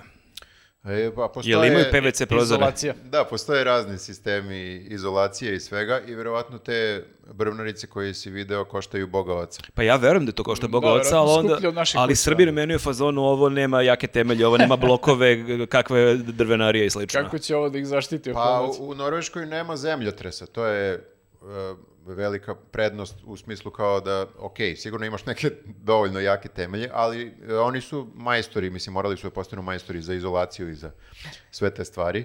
I, mislim, imaju dosta, kako bih rekao, energenata, tako da se greju Evo, solidno. pored eh, kulinarskog, eh, sada imamo i malo Građe- upoznaj... građevinski podcast. građevina, građevinarstvo u Norveškoj. A malo i turizam, dakle, sve Da, pomalo. ovaj, da, uglavnom, eto, ove, e, ima jako dobre ocene, ima serija, to mi onako, redko se desi da se poklopi kao da mi se dopadne serija i da ima dobre ocene na ovim nekim sajtovima koji su kao relevantni, ali stvarno pogledajte, mislim, super su likovi, mislim, imaš ono, između ostalog imaš ovaj, e, nekog pastora koji mrzi Boga, ono, na- i njeg, znaš, kad on krene da priča o, o, o religiji, to, to su super monolozi. Tako da, ovaj, jako su zanimljivi likovi na tome i Ali, bazirano je li ima zapravo. metalaca? Nekog metalca ne, tamo? Ne, za sad nema. Mislim, imaš, mislim da ima par puta kad, kad je ovaj viking, jel, u- ovaj, kad je neki kao, da kažem, akcioni moment sa njima, akcioni, mislim da neko trči, to je najveća akcija u toj seriji. Ovaj, tu se čuje kao neke gitare i to. Ali ovi ne, nisu to kao nešto potencirali previše. Sigurno će naletiti na nekog metalca u šumi. Vrlo verovatno, da. Sni- snima se za e, omot albuma. Pa, pazi, svi Kako ti spaljuje ovi- crkvu Brmnaru. Da, ovi, mislim, svi što pomenu si malo pre Bergen, ovi, većina ovih nekih baš tih bitnih black metal bendova su potekli iz Bergena, a Sever je poznat po tome što ima po, baš po tim uh, vukojebinama gomilu studija, jer oni tu dođu i budu, ne znam, po nekoliko meseci tu snimaju muziku, ono, ovaj, o, tipa pola godine ostaju samo to i, i to u onim periodima kada je polarna noć i, i sve to. Ja Pa moram to, da je, to je taj moment o, koji isto imaju, a to je neko osamljivanje, zato kao svaka e, porodica ima svoju vikendicu i Mhm. kao ne moraš da budeš ni porodica, nego kao ako živiš kao sam čovek, isto imaš vikendicu i onda ideš u šumu da se malo osamiš, da malo Da se malo... budeš sa prirodom i da, tako da to. se dodirneš sa prirodom. To. Ja moram kažem da sam bio malo razočaran kad sam, ja sam bio u Norveškoj u Oslu, sam bio tri dana, četiri, a ja sam mislio da ću tamo stvarno vidjeti onako neke stereotipne metalce na svakom ćošku. A I dolazim i voz koji vozi od aerodroma do centra, kondukter, full metalac, ono, baš iz udžbenika, ja kao pa da, to je to, ovakav će biti svaki drugi, ali osim njega nisam vidio nijednog i baš sam ono malo razočaran. si Više si vidio da. ljudi koji liče kao ti. na Više tebe. sam vidio svojih e, dvojnika, da, da, tako Možda da su u hoće- šumi. snimaju albume na severu U- Norveške. ubosi period kad snimaju album. Da. Mig- migracija metalaca na sever, Mrešćenje To je metalaca. problem, da. Mrešćenje metala. na jezeru nekom. Da, to je problem. Jel Dobro. prelazimo na filmove ili imaš Prelazimo, nešto? možemo, na, da. prelazimo, Prelazimo. na filmove, drago mi je da se poštuje struktura. da Kidamo, se kidamo svestam. za sada. Dobro, krećemo od, od mene, jel da? Ajde. Ajde. A ti, tim radom. Let's go. Ovako, e, ja sam pogledala e, na Disneyu, e, dobila sam šifru od prijatelja. Pa ne moraš to da objašnjava, znači. I, a, a, Ali da, Dobro, e, makar cenim što nisi Dragan. rekla ime prijatelja. Nemanja. A, Dobila sam šifru od Nemanje. dobila sam šifru od Nemanje. Znači, kome treba šifra za Disney, nek piše Nemanji. Jeste, i gledala Ne Draganu. Ne, Draganu, ovog puta Dobro. Nemanji. A zašto? Zato što me je proganjalo prošle nedelje ideja da treba da pogledam Pepeljugu. I to je nekako... Ne javiti- Staru Pepeljugu. Jeste, znači ne javiti se često u životu tako jasna Čekaj, potreba izvini, da oni pogledaš... crtani iz Tako je, tako je, 50-ih. tako je, tako je. Cinderella, Cinderella, Tako we. Can help a Cinderella. Tako je. I, međutim, ja sam tu potrebu imala i pošto mi je sestra bila tu uh, za vikend, ja sam predložila to i krenule smo na Disney. Pritom, disclaimer, tvoja sestra nema 9 godina, ono, odrasla je. Odrasla je žena, jeste. Međutim, u jednom trenutku nama se nebo otvara i mi shvatimo da možemo cijelu noć da provedemo, da gledamo igrane filmove. Na osnovu crtaća. Crtaća, jeste. I se ovaj uvod je bio da kažem da sam pogledala malu sirenu i pepeljugu. A, u- žive filmove. Žive filmove. Žive glumce. Živi ljudi igrali, bre. Jel mala sirena crnkinja? Jeste. O, jebem ti sunce koji Šta šok. se A, dešava, bre, sa ovim svetom? šta? Ne, ali Koji Čale je Javier Bardem. Znači, jako je bilo, meni se svidelo. A, Triton, nije Triton. Poseidon. A, pa, Triton je, ja mislim. Triton, zaboravio Da, sam da. kako se zove ovaj glavni. A ko glumi Raka Sebastijana? Rak Sebastian Je u, Rak cr- Seba- u crtaću je bio crnac. Sebastian je riba. Dobro, Raka, Riba. Raka, ko glumi Raka? Pa ne znam ko je dao glas, zaboravila sam. Kakav glas ko je dao? Jel Ko- živi ko- film? živi film, ko glumi Pa u... n- rak je rak. Rak je... Nije... Pravi rak. Da. Nije Javier Bardem i Rak. Imaš ljude i imaš kao i ribice i, i rakčiće. Pa da, ali mislio sam da se vidi lice. Ali taj casting za Rake traje dve godine dok Da. su našli ono koji ume da prenese. Stvarno je super preno, moram da vam kažem. I prijalo mi je i jedno i drugo. uh, u, u Pepelju, uh, znači Pepeljuga je, ne, ne, tu glumicu nisam znala od pre, uh, ali njenog Prince Charminga igra ovaj iz Game of Thronesa, a zlu maćehu... Koji iz Game of Thrones? Ovaj, uh, Ovi što gine. Rumun? onaj sta, jeste što ga ubio Red Pa Wedding. Red to. Wedding, onaj Rob, uh, jel to beše Rob? A, okej, okej, znam na koga misliš. E, uh, Ja ne znam, I uh, Kate Blanchett glumi zlu maćehu. Uh, I nekako, uh, toliko sam zaboravila na mm, mogućnost da gledam takve filmove, nisam dugo baš i baš mi Mhm. je prijelo, tako da se uh, nekako pripremam da ovaj vikend također bude u znaku, ali mislim da ću gledati Mulan, na primjer, i tako još Kako je Javier Bardem uh, uh, ćale, a on nije crnac? Pa majka, uh, To sad nije bitno više. Uh, da, i, i sestre su uh, mixed races, tako da Ste nije... ispratili, e, to je bilo nedavno, izvinjavam se što te prekidam, ali mi, kako zove, Mikkelsen. Mikkelsen. Mikkelsen, kad- Mac, da. da, bila je premijera nekog da li film ili serije koja se Da, dešava se smejali. 1750 ili 1650 u Danskoj i neko je pitao kao zašto nema više crnaca. On je kao, ali o priča o životu plemstva u kako da Danskoj vam u kažem? 17. veku, izvinjavamo se. Nije bio ni jedan. Što, što ja- je dobra stvar. Mm, Ja nisam imala problem što malu sirenu glumi afroamerikanka. E, Mislim. ne, vidim da se ljudi sada žale i naravno da kao tu postoji ovaj argument kao, ali to je žena riba, kao može, kak ima veze, da li je Pa, crna a, a, i sviđa mi se kako su odradile, znači njene sestre su razli, mislim, To kao... očigledno kod sirena ne funkcioniše isto kao kod nas e, što se tiče rasa. Mene više brine, iskreno da budem, a, ideja da će a, Snežana da, ja ne znam da li je posredi najgori PR u istoriji svih PR-ova, ali riba koja kao predstavlja, a, kao, ne znam da li ste vi gledali Snežanu, mislim, ali ona je poprično zastarelo i kao naša A, Snežana... a, Glumica, glumica koja priča, Tako o, je. koja je isto tamnoputa. Ili... Pa ne bre, nema Nije. veze s tim, nego sve vrijeme priča kao naša Snežana neće juriti pravu ljubav zato što ljubav može da A, bude i promenili prema su karijeri. Feminiskinja Snežana. Da, da, ali, ali- ali onako malo je uh, annoying. Ali not in a good way, zato što sam u fazonu, što kaže Milana, brate, napravite novi crtani, znači, nek se bori za nešto, kao ovo je Snežana. I možemo mi sada i trpimo neke određene varijacije na temu Tebi se zato ni A da- Barbie nije svidio. adaptacije i ostalo. Nemoj da mi, znači, šta ću ja kažem, da sam, lo- da sam loša feminiskinja? Jel sam loša Pa feminiskinja? ko je bio dva puta u tampon zoni, Viktore? Ma kakve to veze ima? Ali da, pogledajte tampon zonu. Ostavit ćemo vam link ovde, drago mi da si pasite. Jeste, baš želim da gledam dva sata podcasta o menstruaciji. Pa da, i treba, zato A što... što da- mi da gledamo kao muškarci? Jel treba muškarci to da gledaju? Izreklamiraj. To da ne pogledaju, mislim, nije to samo... A, to je vaš problem. Pa to uglavnom. jeste naša biološka stvar, što Da, bi da. rekla Hana, ali to ne znači da ne možete i vi da se informišete oko nje kako se mi osjećamo dok nam se to dešava. Dobro, mislim, i naša biološka stvar je da smo malo glupi, ali ne pravimo podcast o tome. Ma ne. Pa zapravo, naš podcast je često o tome. Ne, čekaj, ovaj, e, e, izreklamiraj nam malo. Šta konkretno Pro, prodaj nam podcast. Zainteresuju nas tri muškarca, gledamo podcast dva sata o menstruaciji. Mislim da treba da vidite kako se žene osjećaju i kroz šta prolaze. Mislim da Pa nismo... videli smo. Imamo, svi smo oženjeni. I onda Znamo. kada slučajno se pomene menstruacija, ti su fazonu, "Uh, da samo da ne slušamo to. Pa baš Ne, zato, nije, baš nije. zato što to prolazimo stalno. Da. Ali ako može da se o tome priča s drugaricama, što da pričamo pred vama. Jeste. Pa. Ne, ne, ne. Mo, mislim, možemo da pričamo, ali ne znam kako da pomognemo. To je samo ovaj, e, moj problem. Pa kao i nekad, kad, i u nekim drugim situacijama kad prosto sam to ne možeš, ali opet nađeš načina da pomogneš, zato dobro, što... dobro. Pa ne, mi smo tu, pazi, mi smo svi dobri muževi mi smo uvek tu. Nije da idemo sad Ne, ne, okej, okej. Na, na ono tekmu, kao, a ti vidimo se za dva dana. Da, da, ono zove Ivan nas trojice na istu temu i sve što kažemo, ali mi smo tu, kraj podcasta. Mi smo dobri Sve smo muževi, rekli. evo pitajte naše žene. Mi to tolerišemo. Ili ono, Tolerišemo Tu te, sramotu mi te istolerišemo. vaše probleme. ili ono, kao, kad biste vi znali koliko to boli, Dobro kao tog dana ne mora da skuva i ručak i večeru, kao okej. Ja bi voleo da moja žena jednom skuva. Ostali 29 dana. Ali dobro, da. Malo se priča kako je nama, da. Da, čekaj da se vratimo Čekaj, na temu. šta, žene a znači čekaj, kuvaju. ovaj, da, Postoje ajde, žene koje kuvaju.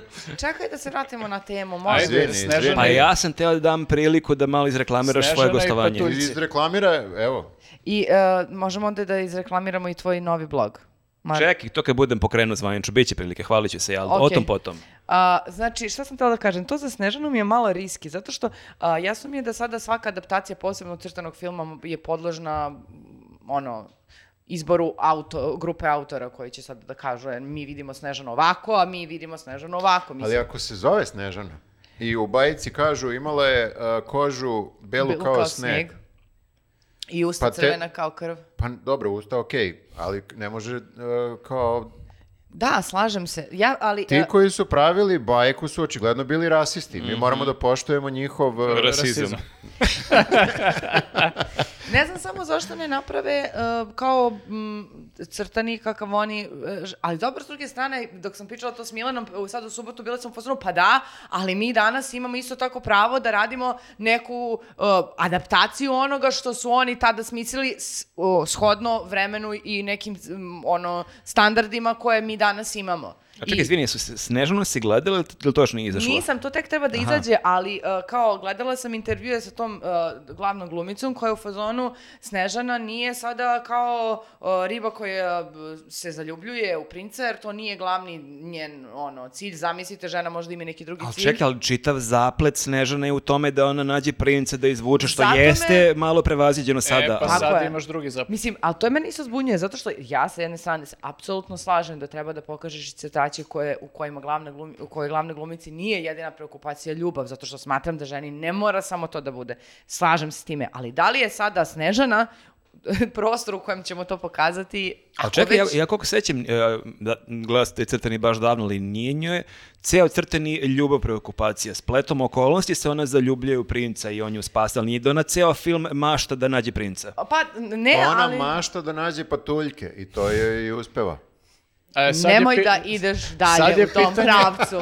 Sad je pitanje koje će rase da budu patuljci. A i sad je pitanje takođe, da, da li su uopšte patuljci patuljci? Ne, ja sam nešto sad sa, sa pepeljugom zapravo, ja sad permutovao sam. Ne, ali ovde imaš i ono problem što on nju ljubi Da, ovde dok imaš ona ovu spava. zlu Znači, it's not čarobnicu sa consensual.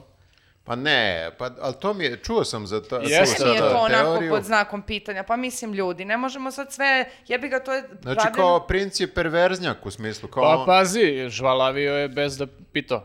Ja, Cancelovan je. Pa da, mislim, što ne kažem da je okej, naravno. Ali Ali on je, ali on je spasao time, ona bi bila mrtva da Treba toga da nije bilo. stave disclaimer na On toj se i sceni. nadao da je ona mrtva, on je malo, znaš, taj fazon. On je Kao fuck živa je, ništa, idemo je dalje. Pa malo je psihopata. Tako da, eto, ove dve, ove dve sam gledala, znači, i oba, bi prepo, oba, oba filma bi preporučila ako vam treba tako malo da se opustite i zaboravite. A za se Snežanu ćemo A čekaj, da vidimo. ja sad nisam ispratio. Znači, oni će sada, Disney će svaki kulturni crtani da snime igranu verziju. Pa ne znam da li će svaki, ali evo sada rade adaptaciju Pepe, Ja Snežane. sam gledao Moglija. Bože pomozi, užasno. I on, Stvarno? Šta je on, belac? Ne, ne, to je sve okej, Mogli je indijac, kakav ga je i Bog napravio. Nego, e, nego je samo ovaj, kako se zove, film e, katastrofa. Nešto, A, loši. Ne, nije nešto, znaš, crta nije onako light varijanta i to, a ovo su htjeli da bude malo i mračno i tako to i kao, nis, ne. A jesi siguran da nije problem što si crtani gledao tipa sa 12 godina, a ovo sa 40 i nešto? E, Da, ali to je moj problem. Najgori odgovor. S kojim oni treba da se pozabave. A ja s tim problemom živim. ne, ali šta da ja radim sad sa tim? Ja sam odrastao. Ali to je isto bila priča, baš sam gledao razne komentare, ja sam ovdje nahvalio ovi posljednji Indiana Jones i baš sam vidio komentare razne kako je ovi posljednji Indiana Jones sranje, a prvi su bili super. Ja stvarno mislim da je problem u tome kad se ti, ti se jako lako napališ na nešto kad imaš 11, 12, 13 godina, Pa to treba a da daš teško sad, možeš sa e, 49, 30, tako. Deci, čerkama treba da daš da pogledaju sve, da ih nateraš da pogledaju sve. I da ih- kažu šta je najbolje. Da. Gomila filmova a, za koje znam da sam kao otkidao za njima i koji su mi bili fenomenalni kad sam bio mali, kad sam ih posle pogledao, bili su mi totalno sranje. Pa naravno. Ali morate da imate jednu dozu ljubavi i razumevanja prema tome. Evo, na primer, Park iz doba Jure. Znači, što ga dalje prave... Najstrašniji film ikada. Tako je, ali što ga dalje prave, znači šta je ono, pernati din, dinosaurus? Ja i dalje nisam okej sa time, ali Pa to opet, je, to je pterodaktil. ali... Pa, Izmislio znaš si ti da su reč. ptice... Nisam izmislio reč pterodaktil. E, postoji ta reč, ne znam kako izgleda. Znaš ti da su- Ihtiosaurus Kaže se daktilografkinja, ne? Da li, da li ti znaš da su ptice jedini živi potomci dinosaurusa danas? Ma znam, ali meni se to ne Baš sviđa. kako Hoću da vidim onda dinosaurusa... Smeta ti dinosaurusa perijem. Pa smeta mi, izvini, jel može Nenad da je on smeta? iritantan lik što tako pametuje po A zapravo zapravo- mnogi ne znaju. Znači, Ne, samo ti dajem novu perspektivu, možda će ti Ma se pusti dopadne. ti mene tvojih perspektiva, imam ja svoju. Ali možeš ono zadrti kreten koji neće da čuje ništa drugo. Ne, nego samo Šta si da rekao za kažem... ptice? Izvini, nisam čuo. Ptice su... Ptice su, e, ja mislim, čak i jedini direktni potomak dinosaurusa. A zar nije koji danas krokodil? živi. Nije. A gušteri? Pa krokodili su bre liče, oni su kao mali dinosaurus. Krokodil malo liči na pticu, ako zamisliš da mu je ono kljun. Da, da. Mnogi ne znaju. Da, News botanika sledeći podcast. Da. flora i fauna. Flora i fauna oko nas. Da, nego što sam samo da završim misao, znači, jer me ovaj zapravo um, prekina. Ovaj pametni isti još pametni. Nego samo hoću da kažem da bez obzira što je tako nešto nervira i smeta ti te njihovi pokušaje, opet moraš da imaš nekako ljubav i razumevanje da to gledaš, razumeš? Ne moram ni ja ništa. Zašto ne, ne, moram? ne moram, ne moram, ali se nadam da će mi se svidjeti i sad. I ja nisam još gledao Indiana Jonesa, baš eh, jedva čekam da pogledam. Ja, eh, meni se ovaj prethodni, četvrti, okej mi je, vidim da su ljudi popizdali na kraju kao, a, vanzemaljci, ne mogu da budu van, mislim sad sam spojlovao, ali valjda je A, pro, i prošle Prošle- 15 godina, da. valjda su gledali ljudi. kao u fazonu, ne može da bude, to je nadprirodno. Ja kažem, jeste vi gledali prva tri dela? kao, sećate šta se dešava na jako kraju? je teško istim očima gledati film nakon 30 godina i upoređivati ga, jer ti taj osjećaj koji imaš sa 11-12 godina, to se neće nikad ponoviti. Ja kad su, ne znam, kad su Gansi objavili ono You Could Be Mine, kad sam taj spot prvi put vidio, meni lupalo srce, ja sam o, maltene vrišta, ja to nikad u životu neću taj osjećaj imati. Što i sad ne mogu da poredim neke nove pesme, mislim, prosto taj neki osjećaj se neće ponoviti.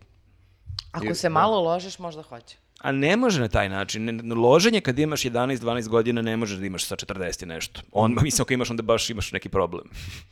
Pa ne, ne možeš da imaš tu vrstu histerije sa 40 i nešto godina. Da, da, vidjeli smo neke stvari. Život te nije mazio i mnogi ste se snovi srušili. Okej, okej.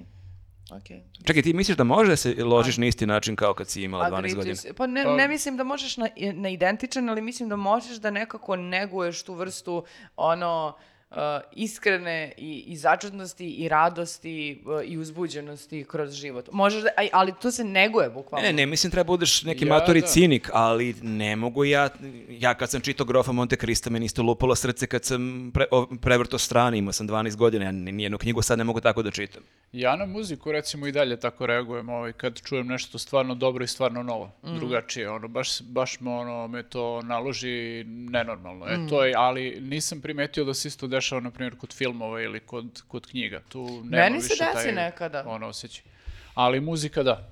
I meni kad- i pred koncert kao uzbuđenje, imam neki put to uzbuđenje i dok, i dok gledam neku predstavu, čak i posle, bukvalno ono, plačem od kako zadivljena sam što sam pogledala ili film. I volim da negujem to, zato što kao ništa me ne košta, da baš mi je lepo kad to kao imam. Dobro, da, zaključili smo da smo mi različiti ljudi. Marko, izvoli. A, pa ne, sad posle ovoga je baš teško pričati, ono, baš smo načeli neke jako zanimljive i lepe teme, tako da je krajnje vreme da onda malo ja ubijem pričom o jednom turskom filmu koji sam pogledao. A, sjajno, sjajno. O ne, Jel kida moj podcast, realno? Da, bukvalno kidaš. A, da, pogledao sam film koji se zove e, Burning Days, A, mislim da je preveden kod nas kao Dani suše ili tako. Ili na turskom, Ili je turskom, a, ne znam kako je na turskom. A, pa uvredljivo što ne znam turski, stvarno. Možda jeste uvredljivo, izvinjavam da se. ga pokušavaš onda da kažeš. Ali nemaš ti taj neki rasistički stereotip da Turci tako i tako govore. Ovo je bilo baš jako Bravo, loše. Upravo si ga napravio. Ako postavim toliko uticajan da sad krenu ide masovno da ovako loše Da, da, do malo fejkuju turski. Da, da, ja sam onda rodonačelnik novog uvredljivog turskog. Da. U svakom slučaju, film je bio da li na festivalu Slobodna zona ili na festu pre nekog vremena i tad sam negde video taj naslov i jako me zainteresovalo, pogotovo što sam video da je neki thriller. Jer ja često pogledam tako te neke ne, američke filmove i to često budu neke jako, jako spore drame koje me nekad malo ubiju pojam. Teške priče, be. Teške priče, da lako nije. Uglavnom, uh, vidio sam da je u pitanju thriller i onda me to zainteresovalo i nisam uspio da ga nađem i na, na njega sam zaboravio kad vidim pre par dana da ga ima na HBO platformi i pogledam ga baš uh, juče. I jako je dobar film, jako je dobar film i baš me malo podsjetila ova priča na ovu Nenadovu norvešku seriju, mada uopšte nije nikakva komedija, ali dešava se isto nekoj potpunoj zabiti, koja nije na nekim hladnim krajevima, pošto je pitanju Turska, nego je to neki azijski deo gde je otprilike krajolik. Mene malo podsjetio na oni krajolik iz Breaking Bada, kao da je neki New Mexico, kao neki onako western da gledaš, onako neka, nije pustinja, ali onako sve je sprženo potpuno. I film od prvih minuta ti jako onako deluje napeto, nelagodno i muzika je tako, to su ti neki zvučni efekti, a počinje tako što neki mladi, lepi, ambiciozni tužilac iz nekog velikog grada, ne kažu odakle, dolazi, bude postavljen u tom nekom malom, vrlo e, kon- e, konzervativnom, e, tradicionalnom mestu i on tu dolazi, puno onako entuzijazma, baš kao što si ti pričao Nenade za tu učiteljicu, Veliki, baš me to podsjetilo jer tako dolazi jedan mlad čovek željan da radi kako treba da se radi i već od prvih scena ti vidiš da tu se dešavaju neki problemi, da tu ima nekih e, e, stvari koje su mimo zakona, koje je prethodni tužilac načeo, pa je onda on misteriozno nestao, pa već dobije informaciju da on možda bio i trovan, da on malte ne pobegao. I već od prvih scena onako njega onako vrlo perfidno izokola upozoravaju da ono ne talasa previše, da on prihvati kakav je tu život.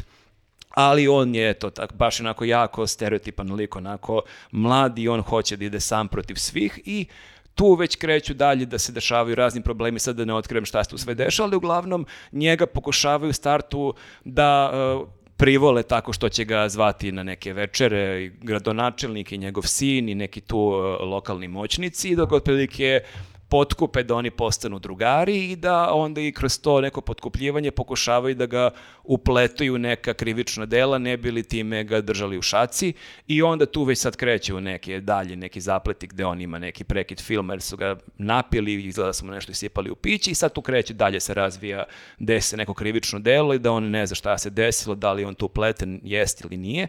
Tako da je ceo film ovako jako, jako ti dobro drži pažnju, jako je napet, ne u smislu da je napet sad da ćeš se trgneš jer izaće oška neko s nožem, nego sve vreme imaš taj, tu neku nelagodu i sve se više otkrivaju likovi i jako je dobro nekako prikazan taj neki upravo sukob i te neke razlike, otprilike, jer mi kad kažeš Turska, nekako mi se čini da mi, kad kažeš Turski, imaš neku sliku o Turskoj, ali zapravo vidiš koliko unutar same Turske, kolika je razlika između Pa je ogromna Istanbula, zemlja, da. Ankare i nekih e, malih mesta u azijskom delu gde je potpuno, potpuno drugi mentalitet i gde neka druga pravila važe i otprilike vidiš Mislim, dosta me film onako podsjetio i baš praviš paralelu kako bi i u Srbiji takva neka priča mogla da se desi, da neko dođe u neko malo mesto gdje imaš neko, neke lokalne šerife, neku lokalnu ekipu koja prećutno rade neke stvari koje svi negde tolerišu i da sad ti sam želiš da se boriš protiv sistema i koliko je ta borba moguća, a koliko si osuđen na neuspeh i da li treba da se u nekom momentu predaš ili treba da ideš sam protiv svih pa makar sve propalo. Tako da je ovako dobar, dobar jedan thriller, jako je on uzbudljiva i priča i mislim da je zanimljivo pogledati ga, malo ti obogati i sliku koju imaš u Turskoj. Zanimljivo, zanimljivo. Da, da. Ja nisam previše ubio pojam. Ne, ne, ne, ne, ne. Zanimljivo. Drago mi je. Viktore, imaš sad ti šansu, imaš ti sad moju propuštenu šansu da nas ubiješ. Imam e, italijanski film, Opa, Koji smo intelektualci. ali komedija. Dobro, dobro. Komedija na Netflixu zove se Mixed by Eri. Mislim na engleskom je naziv, ali italijani ga izgovaraju Mixed by Eri. U stvari Mixed by Eri. Jel? Dobro. Radi se o ovako, evo sad ću da vam kažem, jako je dobar film. Odmah da kažem u startu, ogromna preporuka, znači pogledajte, onako je uh, feel good movie. Uh, početkom 80-ih u Napolju uh, uh, tri brata uh, žive u, u tom nekom, ajde da kažemo, siromašnijem delu Napolja, ali uglavnom kao u celom tom regionu velika je nezaposlenost, svi rade nešto na crno, uglavnom neke ilegalne aktivnosti, mafija je jaka i, i tako dalje. E, između ostalog i Ćale od e, ta tri brata se bavi time da puni prazne flaše Jacka Danielsa e, čajem i da prodaje to na pijaci naivnim ovaj, putnicima, ne na pijaci, nego na željezničkoj stanici, naivnim putnicima, kao da je viski, jel tako? Kao da je viski koji je on negde ispao iz kamiona i on ga prodaje po nižoj ceni, jel? Kao o- odličan deal. No, nećemo ti stalne mušterije. Ne, ne, ne, on pa kao... i onako će ti ljudi da prođu jednom tu na Pa toj da, to je na to, na i to i da. reč- zato i prodaje tu, a ne na, Da, ne da. na pijaci, jel tako kao. Uglavnom, ovaj, ceo grad je u tom e, fazonu i svi se snalaze kako znaju i umeju i srednji brat od e, ta tri brata e, ima taj talenat, taj tako da kažemo, da pravi dobre kompilacije, muzičke kompilacije. U smislu da Kao režice, da kao DJ, diskove. kao DJ, kao DJ i njegov san je da postane DJ, ali to ima od jako malih nogu, da uh, čim krene neka pesma na radio, on prepozna koja je pesma, zna tačno kako se završavaju pesme, kako počinju. Super je za kompilacije, eto, to je beskoristan Za talenat, ali- miksovanje. za miksovanje, zato se zove Mixed by Eri. I uglavnom, Super mi zvuči u startu zaplet. ne, e, e, ajde, ajde, u stvari odmah ću da kažem, po istinitoj priči. A, Znači, još bolje. I to je David Guetta zapravo danas. Mnogi ne znaju da on iz Napolja. Ne, ne, ne, googlao sam, znači ta tri brata stvarno postoje i dan danas e, su jel ži- ovaj stvarno DJ? E, nekad danas nastupa kao DJ. Da, ali evo, slušaj, Da, slušaj nakon o, što o je čemu se... malo popularan. ono. Slušaj o čemu se radi. Znači, e, oni shvate da oni mogu da uzmu i da prodaju te njegove e, kompilacije na praznim kasetama. Znači, on uzme i nasnimi kompilaciju najbolji, sada ne znam ni ja, Letnji hitovi. najbolji letnji hitovi, najbolji dance mix, najbolji... Da, da, da. E, I oni to krenu da, da prodaju. I onda kao, pošto vide da je jako e, popularno i da tu samo ljudi kupu- kupuju takve kasete, jer ne mogu da dođu do originala, i Dobro. ovi su naravno mnogo jef- jeftiniji, onda prodaju sve više i više. I onda oni, sva trojica, e, e, braće, svi odustaju od svega što rade i kreću samo to da rade. Kupuju prazne kasete. ovaj, režu. I režu, odnosno snimaju, to su kasete, nisu diskovi. I to postaje sve veće i veće. Oni nabavljaju sve više i više opreme i e, policija u nekom trenutku shvati da je to ilegalno što oni rade. Što je isto smešno, jer kao niko do U tad nije... nekom trenutku. Niko nije da. palo na Pa pamet. ne, nije postojala piraterija, to je u stvari početak piraterije. Dobro. I jako je zanimljivo, jer taj posao njihov postaje toliko veliki da na kraju i mafija hoće svoj deo, jer i mafija je u fazonu, mislim to je jako smešno, ovaj, jedan od glavnih Mafija mafijaša. ljudi, ali ovo je ilegalno. Ne, ne, mafija koja je u fazonu do- dođe do njih i kaže ne razumem šta radite, ali vidim da voziš Lamborghinija. Ja, Hoću svoj deo. da, ja ako hoću da vozim Lamborghinija, ja rizikujem doživotnu robiju. Ti, tebe niko ne juri. Ti praviš kasete. Znači, i sva tri brata su u fazonu, ali ovo što mi radimo nije ilegalno. Jer kao muzika je... Kao, hoćemo debatu sa mafijom. Zapravo niste u pravu, Ne, nije sa mafijom, nego sa, i sa policijom i sa svim. Plus je... uh, ali jeste ilegalno.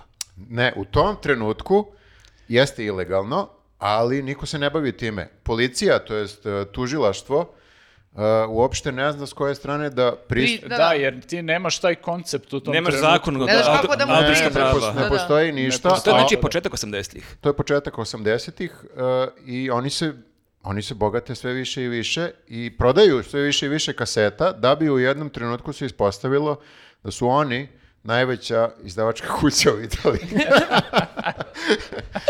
I, Pa genijalno. A sve to e, rade i prave iz svojih, kako ih zovu, laboratorija, gde imaju nekoliko, imaju jedno desetak mesta u gradu koji su prepuna ovih snimača. Dekovi, da.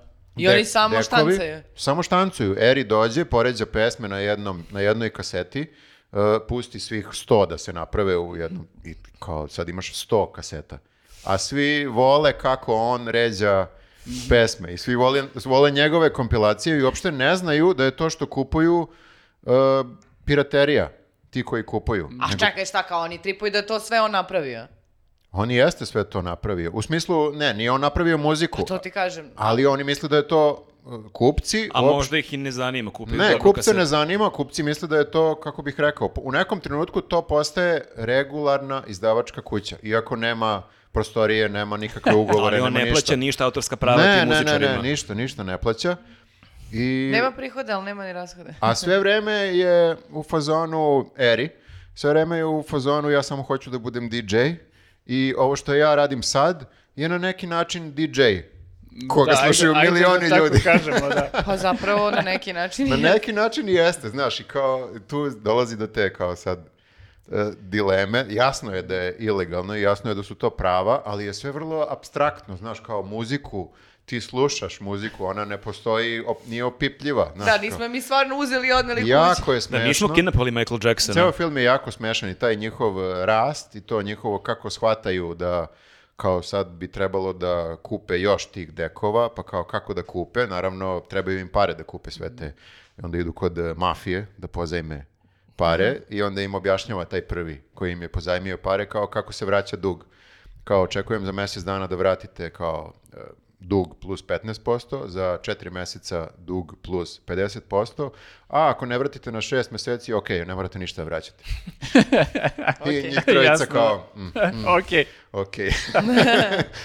Mislim, uspeju da vrate, naravno. Pa ali nemoj jako- sad da nam spojluješ sa... Dobar Ne, ne, ne, nema Bilo bi glupo da spojlovanja. ih ubiju na kraju sve. Nema spojlovanja, već sam rekao na kraju da su živi sva trojica i da, znaš, kao... El i- Ćali dalje da- prodaje viski, e, čaj Pa, kao viski. Pogledajte, mislim, ima To i je, tih, da, e, super zvuči. ima i tih emotivnih momenata. Odličan je film, stvarno i super je i, i s- e, scenografija i kostim i sve, zato što su to 80. plus 80. u Italiji. Znači, to je 80 na Predivno. kvadrat. Ali pazi, bilo je kod nas mnogo tih ispred SKC, tih raznih kaseta, to ono, XU hitovi, Summer, Jeste, summer jeste, Mix, rock da. balade i slično. Ali niko od njih, njih nije bio pionir. Ne, ne, ne, ovi, da, ovi su, ovi su pioniri, plus verovatno ima nešto u tome kako je on to e, miksao. Mislim, miksao, samo poređao. A šta, na a ima neke kao prelaze? Ne, ne, ne, nema prelaza, samo poređam. Samo poređe pesme, da. Znači, to je baš najgori DJ, ono, Da. samo ume da osjeti e, ritam. Da, da, da, samo ume da osjeti ritam. Ja dvilja- To, 2001. znači, u umeju da Vinampu. poređa pesme tako da se ljudi osjećaju super dok slušaju. Da, Da, da. treba, treba to znati. znati, treba znati. Ali Pa bilo jest. bi zanimljivo i kod nas, kad se sad setimo piraterije i legendarnih onih kontejnera kod CKC, Mhm. sigurno bi kod nas mogao se napravi neki zanimljiv dokumentarac da se nađu ti Pa sigurno, ljudi, kako su to presnimavali, to ko je slagao te pesme, XU balade, da li je bio jedan mastermind ili više. i To je slično. zanimljiv ugao gledanja uticaja na, na, na društvo, kao, ajde da zamisliš da ne postoji piraterija i da samo kao onaj ko ima para može da, da dođe do originala i da kupi, kao koliko bi ljudi slušalo šta. Ne- I mnogi uh, italijanski bendovi, to sam posle čitao, su postali poznati zato što su se u nekom trenutku našli na Mixed by Eri kompilaciji. A Nisu imali, nisu imali od toga a- a para. na kaseti baš Ali pisalo Mixed by da. Eri? Da, da, da. I tako im se u nekom trenutku, tako nazovu uh, Tako fi- im se firmu. izdavačka kuća. To je Firmu.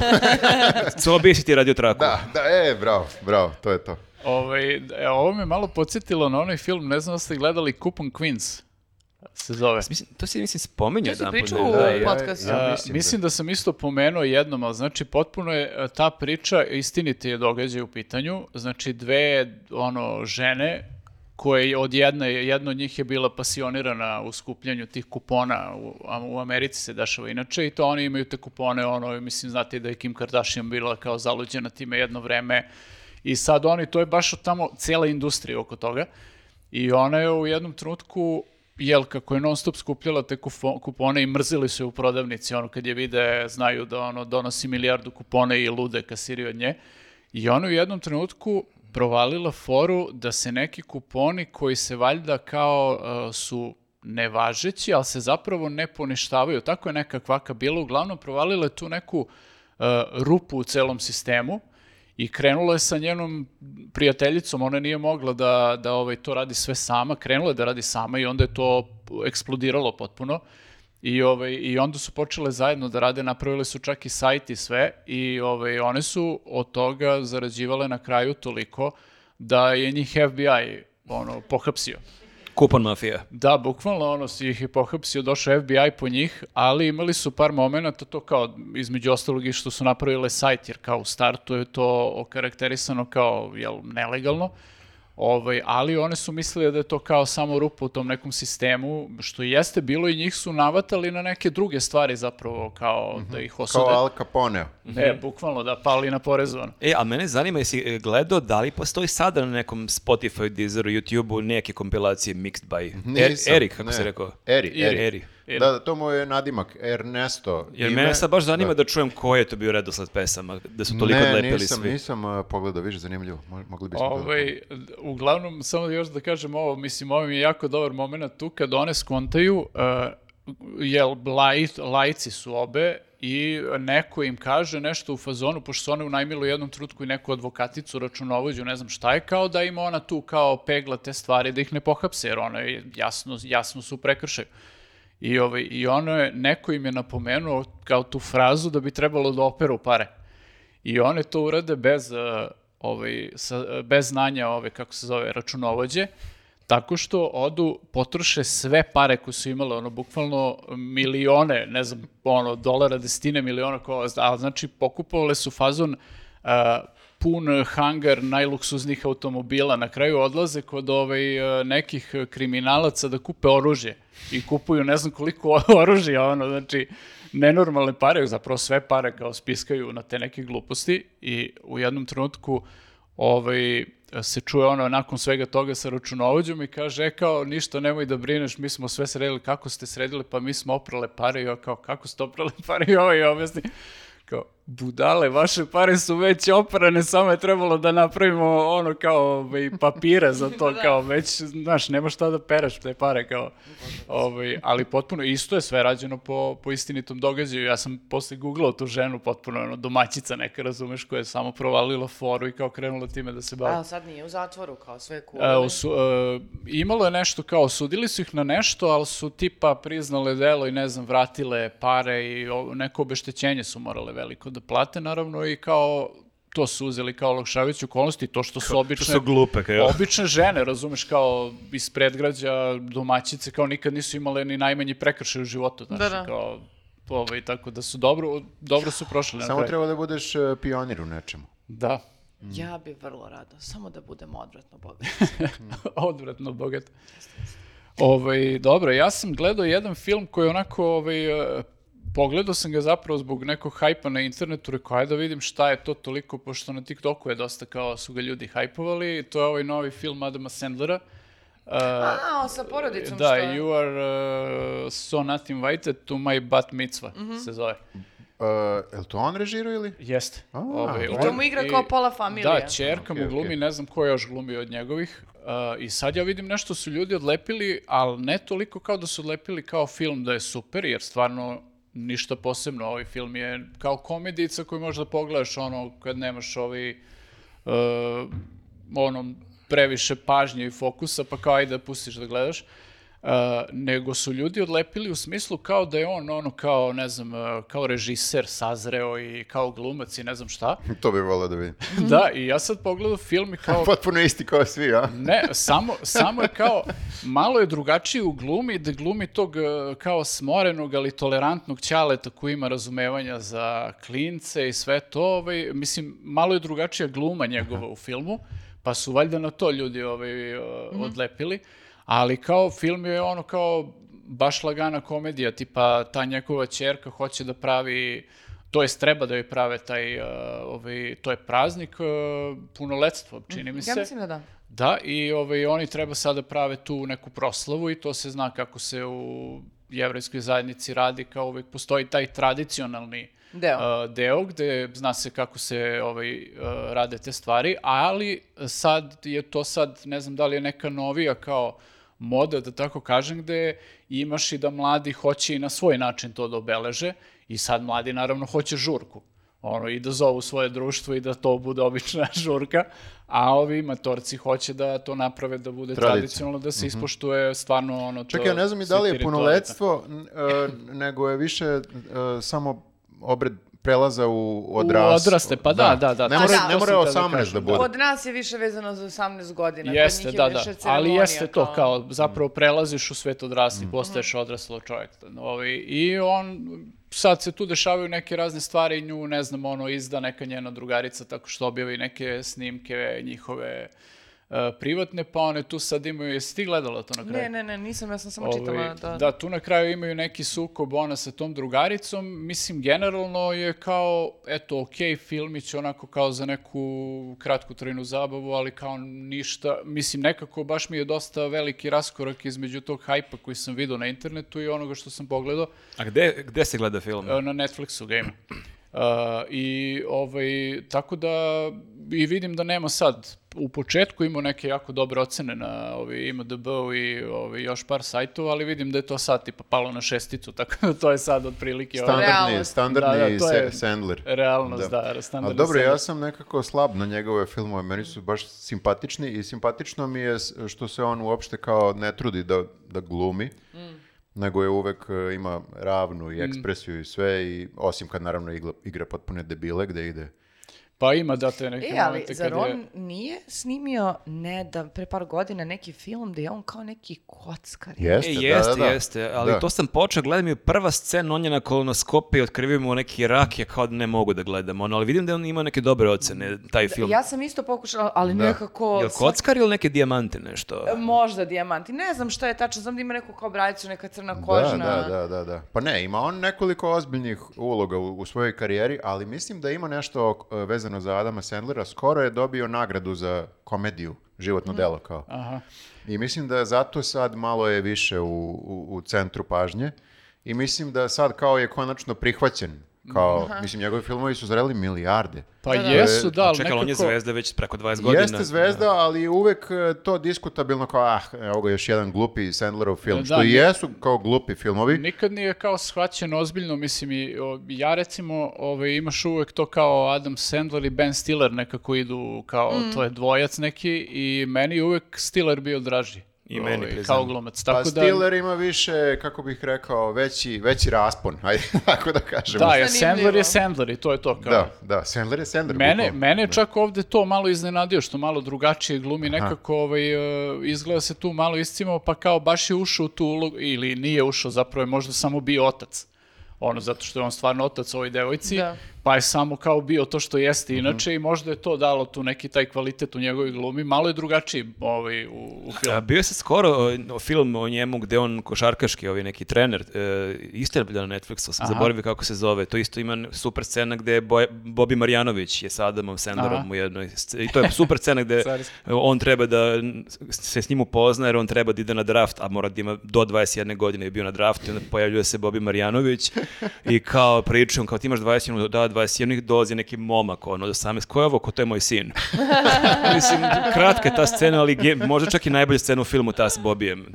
Stav mi moze kako se zove film, ali ako volite Adama Sandlera, bacite Da, dobro, pogled. proverit ćemo pa ćemo stavimo u, u ovaj On komentar. ima i onaj neki murder mystery sa... U, ti su super sa Jennifer Aniston. Da, da, Ima da. dva dela, oba su Da, da. odlična. Ja sam Meni je prvi malo, za nijan su bolji, ali zabavno je nekako jer baš te opusti. Ali meni je okej da postoji takvi filmovi, mislim, ne Pa treba dobro, ih jeste, da, mislim, naravno, mislim, to ako volite Sandlera i njegove filmove, ovo je jedan kroz jedan, možete da gledate, to je to kao... E, ovaj, pa baš ću pogledam, nisam znao uopšte da je on režirao. Meni ste vi Jeste. otkrili ove njegove pesme i koje su genijalne. Stand up. Stand up Jeste, njegova da. da je zapravo, on sve vreme zapravo peva ili ima neku priču. Da, da, pesama? uglavnom su, ima jako malo priče između pesama. Da, Da, i to smo fora baš- je u pesmama. Da, ali to smo baš pričali koliko je dobra fora što on, e, kao što mnogi komičari rade, ne uzme poznatu pesmu pa promeni tekst na poznatu melodiju, nego je to full Da, pesma. originalna Da, pesma. Koja je originalna. pritom stvarno dobra. da je- Jeste, da, da, u, Pa u je, različitim znaš- žanrovima. Če- Okači onu wallet, kako, pošalji da, da okačim onaj wallet key. Jeste, to je rap pesma. Da, često to bude kao čak i kad su originalne nategnuto i kao otprilike ovaj, ne znam ni ja, hoće da naprave pesmu zapravo da bude čak i ozbiljna i to onda ne ispadne ni tamo ni ovamo, a on baš ono kao ide na komediju i to ispadne Da, da, baš ali ono... ta rap pesma je baš Stvarno do- je dobra. dobar, Da. dobar ritam, baš je Da, dobra Pa i pesma. Pesma, a i stihovi su dobri, znaš. ono- Meni je iskreno često ti pokušaj nešto da se otpeva, uh, uh, mi je ispada cringe, ali ono kad, tada kad sam gledala tu rap, bilo sam pozorno, ovo je genijalno. Ima i Znači, jednu, iskreno sam ima i se- jednu ozbiljnu pesmu u tom specijalu uh, posvećenu Chrisu Farliju, njegovom najboljem drugaru koji je Mhm. overdozirao uh, kad, kad beše, zaboravio sam, ali 2000 i neki možda. Mhm. Iz SNL-a kolega. I jako, je- jako je dobra, onako je baš je emotivna. Mm. I koju isto izvodi u sredu tog uh, stand-upa. Mhm. Uh, A čak ima, ima na Urnebesa pesma o d- dva astronauta beše. Da, i Da, to, da, je, da. to je sjajno, da. To je malo uh, onako kao vuče na Bowijevu ovu... uh, Space Oddity, da, Da, da, da, kao da, da. dva zaljubljena astronauta u svemiru, kako oni imaju seks bez gravitacije. Jeste, da, i dosta ima eksplicitnih momenta, ovaj, tako da... Da, da, imali su i majmuna, ali... Okej. Dobro. Muzika. Knjige.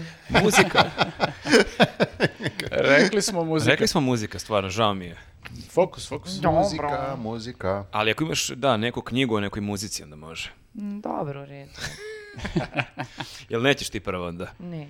Dobro, evo ja ću. Uništio si joj Da, strukturu. da, da, tamo ni smisla šta će da kaže. Nisam smisla, nisam ja ti. Da, ja imam, imam monologe koje vežbam pred, pred ogledalom. Tako je, tako je. E, pa lako je kad smisliš. Dok češeš bradu. Jest. A, kad pričamo o muzici, hoću već nekoliko popkasta da pričamo o jednoj e, kant autorki i svaki put nešto drugo bude preče i evo konačno ću da pričam o Arlo Parks.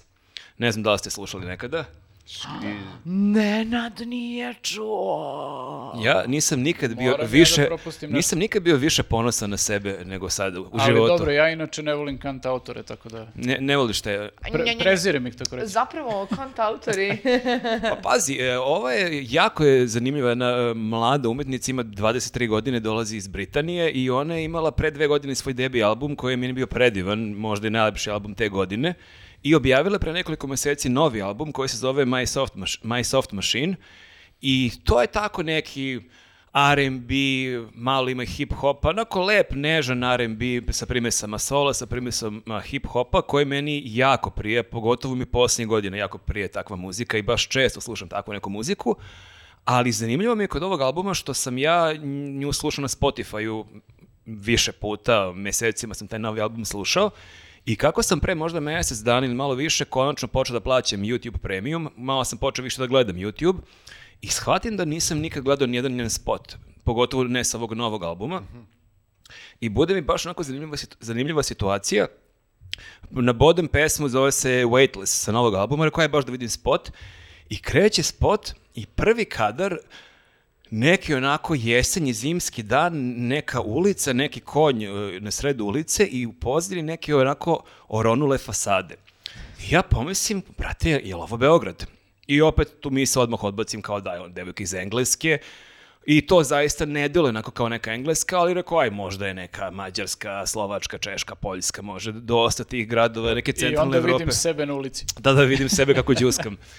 I nastavi spot i kao neki tip je riba, neka gajba i kao gajba mi deluje kao generička gajba na kojoj se tako uvališ negde na dorčilo na neku sedeljku. Ja kao, ok, tripujem se i dalje, projektujem, jer već je bilo što i kasno, meni se već i spava. Kad ono, međutim, u nekom trenutku ta gajba natpis na ćirilici srpski. I ja ono, kao Sherlock Holmes, ta- e, takav sam ponos, osjećaj kao, pa koliko ja kidam ovaj život. I, I dalje sledeći kadrovi, opet vidiš po, e, po ulicama, vidiš neke parking zone, vidiš da je to Beograd, vidiš silose, to jest ja vidim silose i kao, ok, ovo je definitivno, znači, Beograd, nisam... Arla Parks je Srpkinja. Naša je, u pitanju je crnkinja, ali naša. Ne, e, i onda krenem da googlam, kao, ok, sad da vidim A koja je dobro, priča. i, sin, i Snežana je Crnkinja. Tamno oput.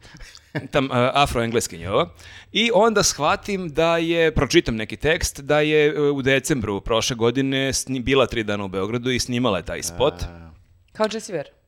E, jel tako? Pa e, vidio sam, e, čak sam onda ne išao, Dragan Ambrozić ima jedan dobar tekst e, na Nova RS o tom njenom albumu i o njoj i onda on spominje kako je on prepoznao da je taj ćošak zapravo na Donjem Dorćilu ugao da li to deošak od ćuškog, im- ne, jevrijski Mike Alasa, recimo, da je taj ćošak u pitanju, a stvarno je delovalo kao neki Donji Dorćil, mada nisam baš locirao tačnu adresu, kad sam gledao i da, ona je bila tri dana u Beogradu i snimala je taj spot i sad meni s jedne strane baš jako drago što je tako neko koga, koga slušam već dve godine bio u mom gradu. S druge strane sam se jako iznervirao što je žena Dorčel. bila, da što nije na Što Leonu se nije snimala, javila.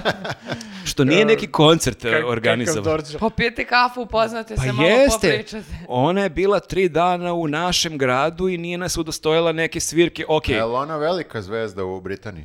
nije velika zvezda u Britaniji, ma sad je svirala recimo na Sigetu na onom main stage ali u nekom ranijem terminu. Znači nije sad neka mega Ali je zvezda. velika zvezda na Lionu.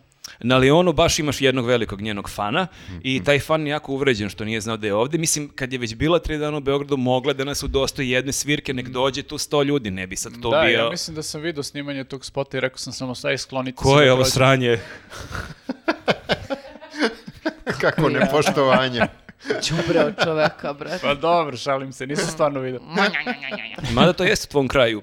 Tako da eto, obratite pažnju i da onda sam e, u tom Ambrozićevom tekstu pročito da postoji ta neka produkcija koja je snimala ovde razne spotove. Da. Da, I to sam Gorila, da i Gorila kažem, da, da. su snimali spotove u Beogradu i još razni drugi E, To je, umetnici. da, ja ne znam sad da li je u pitanju ista produkcija, ali to je krenulo uh, masovno sa metal spotovima pre nekih deseta godina. Soulfly imaju spot. Naravno, imaš ono i Camelot svojevremeno i gomila tih nekih bendova i sad ja ne znam da li je to ista ta produkcija se pojavila još neka koja radi i druge izvođače, ali dosta spotova stranih se ovde snima. I na toj produkciji svaka čast, da li jedne ili više, ali ajde apelujemo na njih kad već dovedete neku zvezdu ili poluzvezdu. Ugovorite koncert Daj neka svirka u nekom domu omladine čisto. Kad je već tu, mislim, već su platili Pa kartu i makar smeštaj. neka ono Morčiba akustična verzija ono u kafiću. Kao Pa kad tako su... je, stvarno žali Bože propuštene prilike. Da. Tako da sam s jedne strane jako ponosan, s druge malo ogorčen. Ali Užas. obratite pažnju, jako je zanimljiva umetnica i Okej. njen prošli album je super i ovo je super, svaka čast i dovedite u Srbiju. Ja volim takve stvari, mislim to, takve mešavine kad su dobro urađene, tako da baš ću preslušati. Lepa nežna muzika. Dobro, dobro, ovaj, mene si zainteresovao. Pa da, ti dobro voliš Dorćel. Pa ne, volim i, volim i tak, tu vrstu muzike. Pa ne voli tako baš da. Donji Dorčel, on je sa gornjeg. A, jeste, da, da, da, dobro, malo- dobro. Ali voliš Silose. da, obožavam Silas. Dobro, e, ja imam da pomenem uh, iznenađujući je novi album Nationala zato što je izašao posle šest meseci još jedan album. Znači, pre Mhm. šest meseci je izašao novi album, sad je izašao novi, novi album. Da, sad imitiraju King Gizzard. Ej, prekini da mal maltretiraš naše bendove izvođače. Tako Nje- je, ne dire mi nešto. Ne volim kantautone, ne volim... Oni, sad- oni su naši. A? Naši, Nisu naši, naši- naši.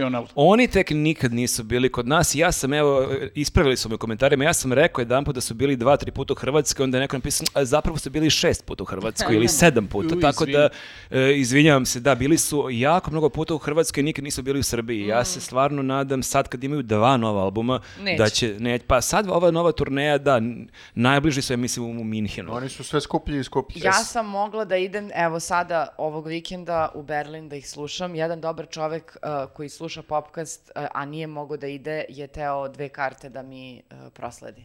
Da ne kažem pokloni. Što nisi i otišla? Pa, zato što sam shvatila da uh, sam možda bila previše puta ove godine na koncertima i da nemam finanskih mogućnosti da isfinansiram još jedan put. Dobro, dobro, da hoće da kaže da je plata nije dovoljno velika. Jeste. Da, da, to Pa mogu ja ti i kupi kartu, neko je samo džabe karte, kako dođem ja do Berlina, znaš ti da je Berlin, Pa, nije to brate, šabac. za- i avionska karta i smešta i par dana tamo i doručak i ručak i večera i neko pićence malo da se tu podružiš s ljudima, to ispod 400 evra ne može. To, je, to ti je skup hobi, evo ti da slušaš muziku.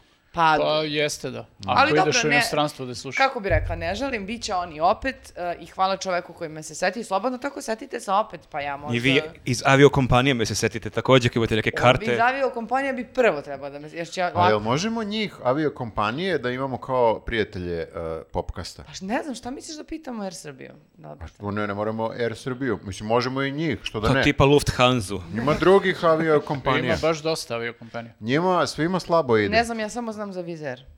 I njima, njima slabo ide aviokompanijama, trebalo bi da ih malo poguramo. Ja sam sigurna da im baš slabo ide. Tako da, ne znam, ako neko ovo sluša kao koji je vlasnik aviokompanije, nek nam se javi. Koliko bi bilo dobro, brate, i onda mi kao dobijamo neke karte, i onda putujemo po sad onim zonama. Zamisli, javi nam se Ryan iz Ryanaira. Pa nam daju da jedemo tokom jel, neki Ali, super znaš, budemo ono najgori, ono, možeš da uzmeš neke velike pari, ali da svako dobije jednu besplatnu kartu. Hoćemo besplatne karte. Zašto da ne? da, i kako, se- kako se tebi sviđa novi album E, pa ja sam onako samo briefly preslušala i nisam nešto se zakačila previše i u pravu si i meni je nekako više lego ovaj prvi koji je izašao pre šest meseci, ali mislim da samo treba malo više da se uh, posveti. I ja sam shvatio, ja sam slušao to možda dva, tri puta, već na treće slušanje je baš mnogo lepo. Ali da, Mm. prvi put sam ja bio u fazonu, lepo je, to, to su oni, ali mi je više prije oni prošli. A možda samo zato što smo se više zakačili, pri, pritom su imali ono sa Phoebe Bridgers tada, pa mi je... Ne, sad imaju Phoebe Bridges. Tad, sada si- tad- imaju tad su to? imali sa Taylor Swift. Imali su i A i onda, da, sad imaju baš ova na, e, naslovna pesma, uh, Love Track je sa Phoebe Bridges i vidiš i Phoebe Bridges bi, je zanimljiva i nju bi mogo neko da dovede. Da, ali čekaj, u, o- na ovom albumu je izašao ono sa Bon Iver, uh, uh, što Jest. je radio Weird Goodbyes. Tu Jest. pesmu baš, baš volim i eto preporuka da bar obratite pažnju na nju. E da, izašao i novi James Blake, jebote, mogu i to da kažem. Uh, uh, onako zanimljivo zvuči. Nešto without you ili tako. Ne znam šta je to. Ne znam. Mm, James Ja- Blake, James Blake, nisi slušao? Ne, nikad čuo. Oh, ok, idemo iz početka. Znači, James Blake je pre par godina imao neke super uh, albume i E pesme. to liči na National. Uh, pa, tužno je dosta. Uh, i A onako- meni su svi ti bendovi isti, Interpol i National. takva. Limit to your love je, ja mislim, obrada uh, pesme. Je li tako, Teko? Uh, Limit to your love. Spavate, da, da, da, jeste. Jeste, jeste. Šta god. Uzela je maramice, plače. okačit ću vam, okačit ću vam u, u, u, u- okačit ću vam u opisu ovog videa. To je jedna od mojih omiljenih, omiljenih pesama i da se, i ono, isečete sve vene koje imate i nemate i da vas nekako i pomiluje i uteši. Baš je dobro.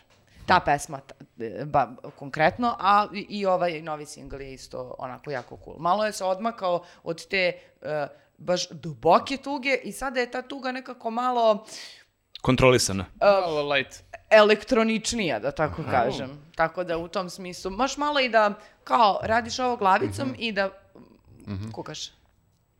E, Dobro, ali lepo. a, moram, a, moram samo da vam kažem jednu stvar. Izvinite, e, bit ću kratka. Znači, Ma desi- pričaj bre slabo, ne, nismo mi ograničeni vremenom. Da, znam. A, dakle, desilo mi se da sam sasvim slučajno otkrila jedan band koji se zove a, Lutajuće srce.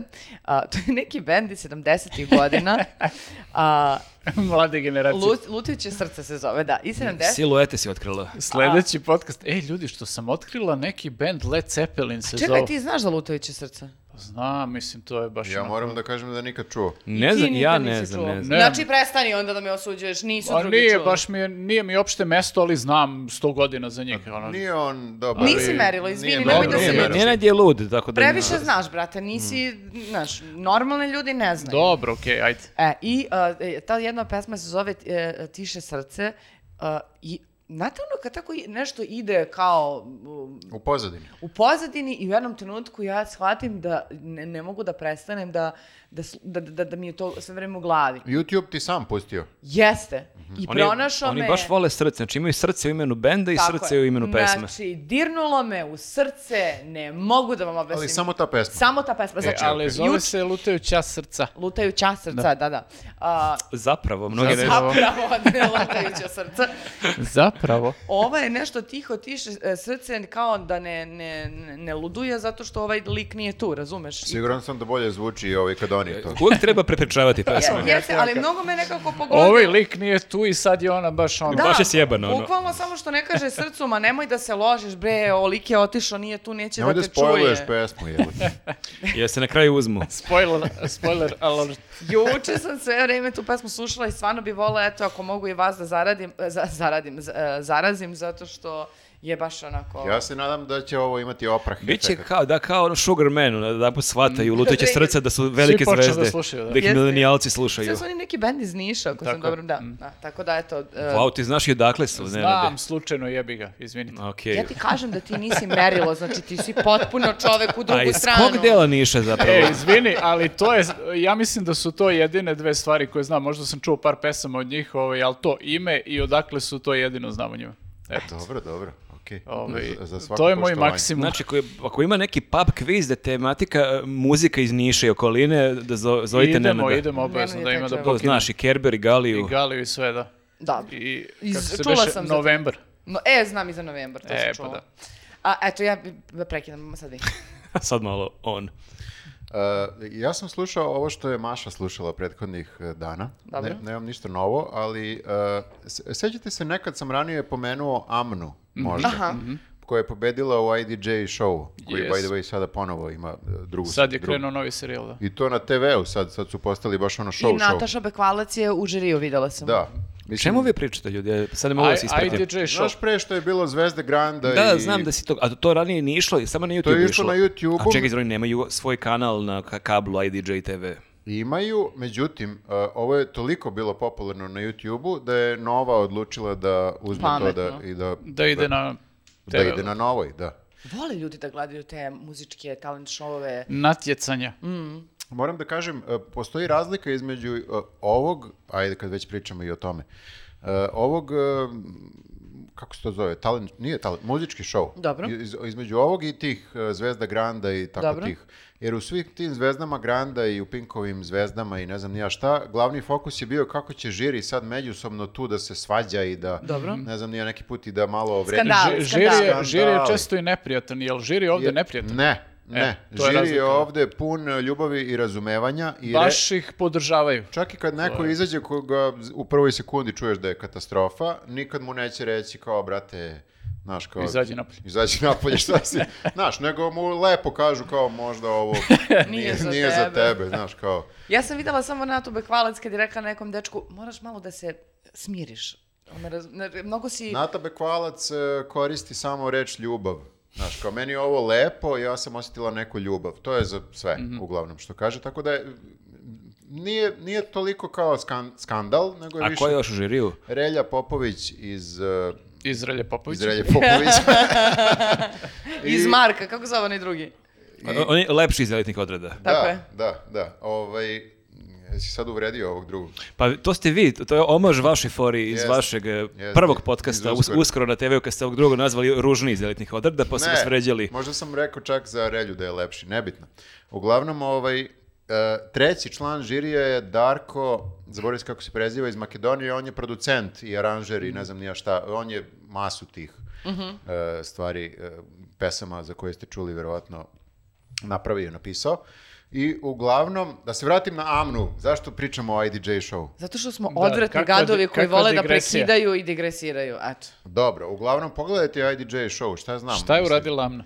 Amna je pobedila u prošlom i to je sve ok, imala je jednu pesmu. Međutim, sad ima nekoliko već pesama i sad to već postaje onako, kao, kako bih rekao, ozbiljna muzička zvezda. Nije ono samo kao pobedila je i nikad više nisi čuo za nju, nego Radi na njoj. radi i ona, koliko sam razumeo, i sama piše pesme. Aha. Kantautorka. Kantautorka, da, Jel snima spot u Beogradu? na Na Dorčelu. dol, donjem Dorčelu. E, s- e, s- snima spotove, da, ima, ima i toga. I oni joj verovatno pomažu IDJ. I e, LjuBBA režira. DBBR. Ko je LjuBB? To on je neki tu poznati režiser. To je neki novi Nešo je. Ne, on Da, je da, radio da. sve spadalo se nida, ono dva prsta i to i Pa to. to je Pokupio rekao. sile Da, da. neke Novi nagrade. Nešo je. Novi Nešo Ili, je. ili zli. Dobro je rekao. Ne znam Da, šta, da. šta pre. Te mlađe generacije ne znaju prave vrednosti. Pa da, dođe ovde preporučuje lutajuće srce. Am, Amna se, Amna se e, dobro nekako pozicionirala u tom nekom pop žanru. Kažem namjerno pop zato što, e, hvala Bogu, pa nema ovog estradnog Nije melosa. ono, da, melos i to. Ne, pokušali Nego su je da je, pop. ja mislim, uvuku malo i u to. Dobro. pa kao melosa. Zato što, zato što su, da, pa bukvalno pakao melo se kao, aman, ljudi, dobro, shvatili smo, kao, folk je lepa muzika, okej, Amnan, šta ljudi. god, am, Jo, bože. a da, Amna je iz Bosne, isto to je isto, ovaj, Ovo je sad bilo uvredljivo što si rekao. Ti si mene vređao za Tursku. Okej. Kao malo Čekao sam da, dete. čekao sam, Malo čekam dete sat vremena pesku da, i da ti zasere i, isti, i isti. zasrao je, zasrao je, žao To mi je je. uvredljivo, imao akcenat baš onako jak, lep, bosanski. Ne znam, nisam ništa... Pusti ga, bre, samo jedva čeka da ti se vrati Gori zato što lik, je dete. gori je razumeš? lik od mene, Viktor, moram da Ajde, konstatujem. moramo da glasamo o ovome. Um, recite nam u komentarima, molim. Ćao, svima opcija 1, opcija 2. Čime se mi bavimo. Dobro, šta Amna radi? Amna ima taj neki, uh, Relja je to nazvao afrobeat. Ja nisam Mhm. siguran da je to afrobeat, ali... svakom, ne znam, pa on se više razume u muziku Znači, od mene. Fela Kuti fazan. Da, neki Fela Kuti, znači ide taj malo, uh, kako bih rekao, dance, uh, pop, uh, ali stvarno ima taj tropical... Neki tan- reggaeton. neki, nije reggae, ne, čućete, znaš, pustite pa ćete čuti. Okej. Uglavnom, zanimljivo je jako zato što se uvatila toga i, I ne pušta i ga. ne pušta, ali nekako Dobra je u tome. baš respekt, znaš, Dobro. jer ja- lak- jako lako bi mogla da sklizne u neki, znaš, taj lupam sada, Jasno nam je. ne znam koga da navedem. Čekaj, je li ima tih autotunova ili ona baš... Ona super prirodno peva. peva? Super peva, super peva. Stvarno ne znam da li ima autotunova. Ja, ja ih ne čujem. Ka- kažu da svi to sad koriste. Ali uglavnom ona stvarno kida kako peva i ima specifičan i način neki pevanja, barem meni se čini kao da peva kroz osmeh stalno. Ne umem da imitiram to. Ali ovako kad ja Ali izvedem... kapiram. Ovo je ili najbolja ili najgora reklama Ovako za kad Amnu. ja izvedem, zvuči da ne treba da slušate, ali verujte da je stvarno super. I jako je pozitivno, jako nekako teme pesama nisu klasične, o, ostavio si me šta da radim ja, Dobro. nego su malo kao bavi se sobom. Ima- Ma, bravo, legenda. Da, da, malo ono kao, di, ono kao ja sam, e, treba na sebe da Ne, stavim. ne, Osnaživanje. Nežno prema sebi. E, Miley to sam Cyrus. Da, to sam teo da kažem. Nežno prema sebi, but not in a good way. But not in a bad way. But not in some way. Ljudi, slušajte Amnu i pustite Viktora A da sad da... Amna ovo gleda kao, gospode Bože, šta je ovo opet? Šta pričam? Napuštam muziku. Ali stvarno, stvarno mi je drago što pod jedan nije pobedio neko ko je totalna seljana, a jako je bilo blizu. Dobro. E, I što je ona nastavila, Da se dr- drži se toga. drži tog se svoga, toga aha. da, znaš, kao pokušavaju da je uvuku to, ali ona kaže ne, ja hoću da A se... čekaj, jel bi mogo da je s, neki, s nekim uporediš? Jer ja pokušavam da sad ove informacije koje sam dobio da negde složim i ne uspevam. Ne, ne, e, sigurno bih mogao, ali ne mogu sad da se setim. Znači, ali baš ono, ajde da kažemo, e, klasičan moderni pop. Aha. Eto, Pa dobro, to je već dovoljno, da. Da. Ali dobro, meni je od svega toga što uh, kažeš, najdraže da nekako ima neki svoj izraz i da kao Da. cepa tu priču. Da, da, Pošto da. mi se čini iz ovoga što sam videla nekako, mislim i generalno sad svi oni idu kao neke kopije koje sad bi e, Jeste. neki kli- Pa vi, ove- vide šta uspe i onda kao Jeste. ajde da to furam. Znaš, kao videla sam ove neke tipove i kao sve nekako to se trudi da bude novi relja, novi ti te pokreti Aha. i nekako e, više imitacija i neko, ne, ne, neko reizvođenje onoga što ti već imaš. Kao, naravno da je najteže u svemu tome pronaći svoj izraz i zato su neki veliki, a neki ne postoje. Pa zato ne mogu baš konkretnog izvođača da navedem, kao, i zato što nije mi kopija ne, Da, nečega. da. Eto, Što je super, što je da. super, dobro, da. to je u startu dobro, da. Nenade? Pa cool. E, ja sam preslušao ovaj novi album uh, benda Royal Blood, Mhm. uh, koji je izašao pre jedno dve nedelje, ja mislim. To im je četvrti po redu i ovaj, uh, To je omiljeni album Kraljevske porodice. ovaj, pa ne, ne znam, mislim, ova, ajde da kažemo ovako, ova tri prethodna, prvi i drugi su mi najbolji, treći je dobar, ovaj već malo čini mi se da, da kreću da ovaj, padaju. Njih, je samo, njih je samo dvojica. Da. Fali im još Ovaj, neko u bendu da bi naš Moraju, neke moraju Pa i ideje. Butch. Cassidy je dvojica, pa šta im fali? A, pa fali im. White Stripes. Ovaj, e, dobar je album do u prve dve trećine, aj tako da kažem, nekako su posle ovaj, e, krenuli da, da ovaj, upadaju u neke, e, nešto što ja zovem mediokritetski rok. Bukvalno nemojte da budete Queens of the Stone Age. E, moram ti kažem e, da si ti njih dosta napljivao njihov posljednji album, a da sam vidio po komentarima da ih ljudi baš vole i hvale. Ma nemaju pojma ljudi, Ma bre, dobro, Nenad zna. Ja obožavam njih na nekim albumima. Ne, ne, ovaj posljednji- baš posljednji album Ne, vidim- meni vidim da posljednji hvale. je onako prilično slab. Ovaj, u celoj toj, oni su imali zapravo tu trilogiju, ono kao prethodna tri albuma, ovo je kraj trilogije, meni je on najslabiji u toj trilogiji, a ostatku diskografije da ne pričamo, ono, mislim. Možda nekom ne nade prija da sluša malo mediokritetski. Verovatno, da, ali ja, ja, ovaj, Ali ja sam nobles. ja sam metalski nobles. Ja zapalim lulu pored svog kamina, izvučem svoj satanistički nije, mač. Nije, ovaj, A, obučem svoju satanističku Pazi, majicu. Ne, ja uopšte nemam e, problem sa tim da band postane ono kao, da ide malo u, u nešto laganije i to, kad je to dobro urađeno, ali kad mi napraviš pesmu koju sam čuo 60 puta od 60 drugih bendova, onda imam problem sa tim. Nedopustivo. Ali pritom, e, stvarno je prve dve trećine albuma su super i to onako nisu... To je okej, dve trećine nije malo. Da, dobar je, to je više od jedne dobar je trećine. procenat, da. Ovaj, nisu, o, mislim, e, nisu više žestoki kao što su bili na početku karijere, što je okej. a, malo su skrenuli u neki kao tako, ovaj, e, kako bih ja to rekao, a, ono, mislim...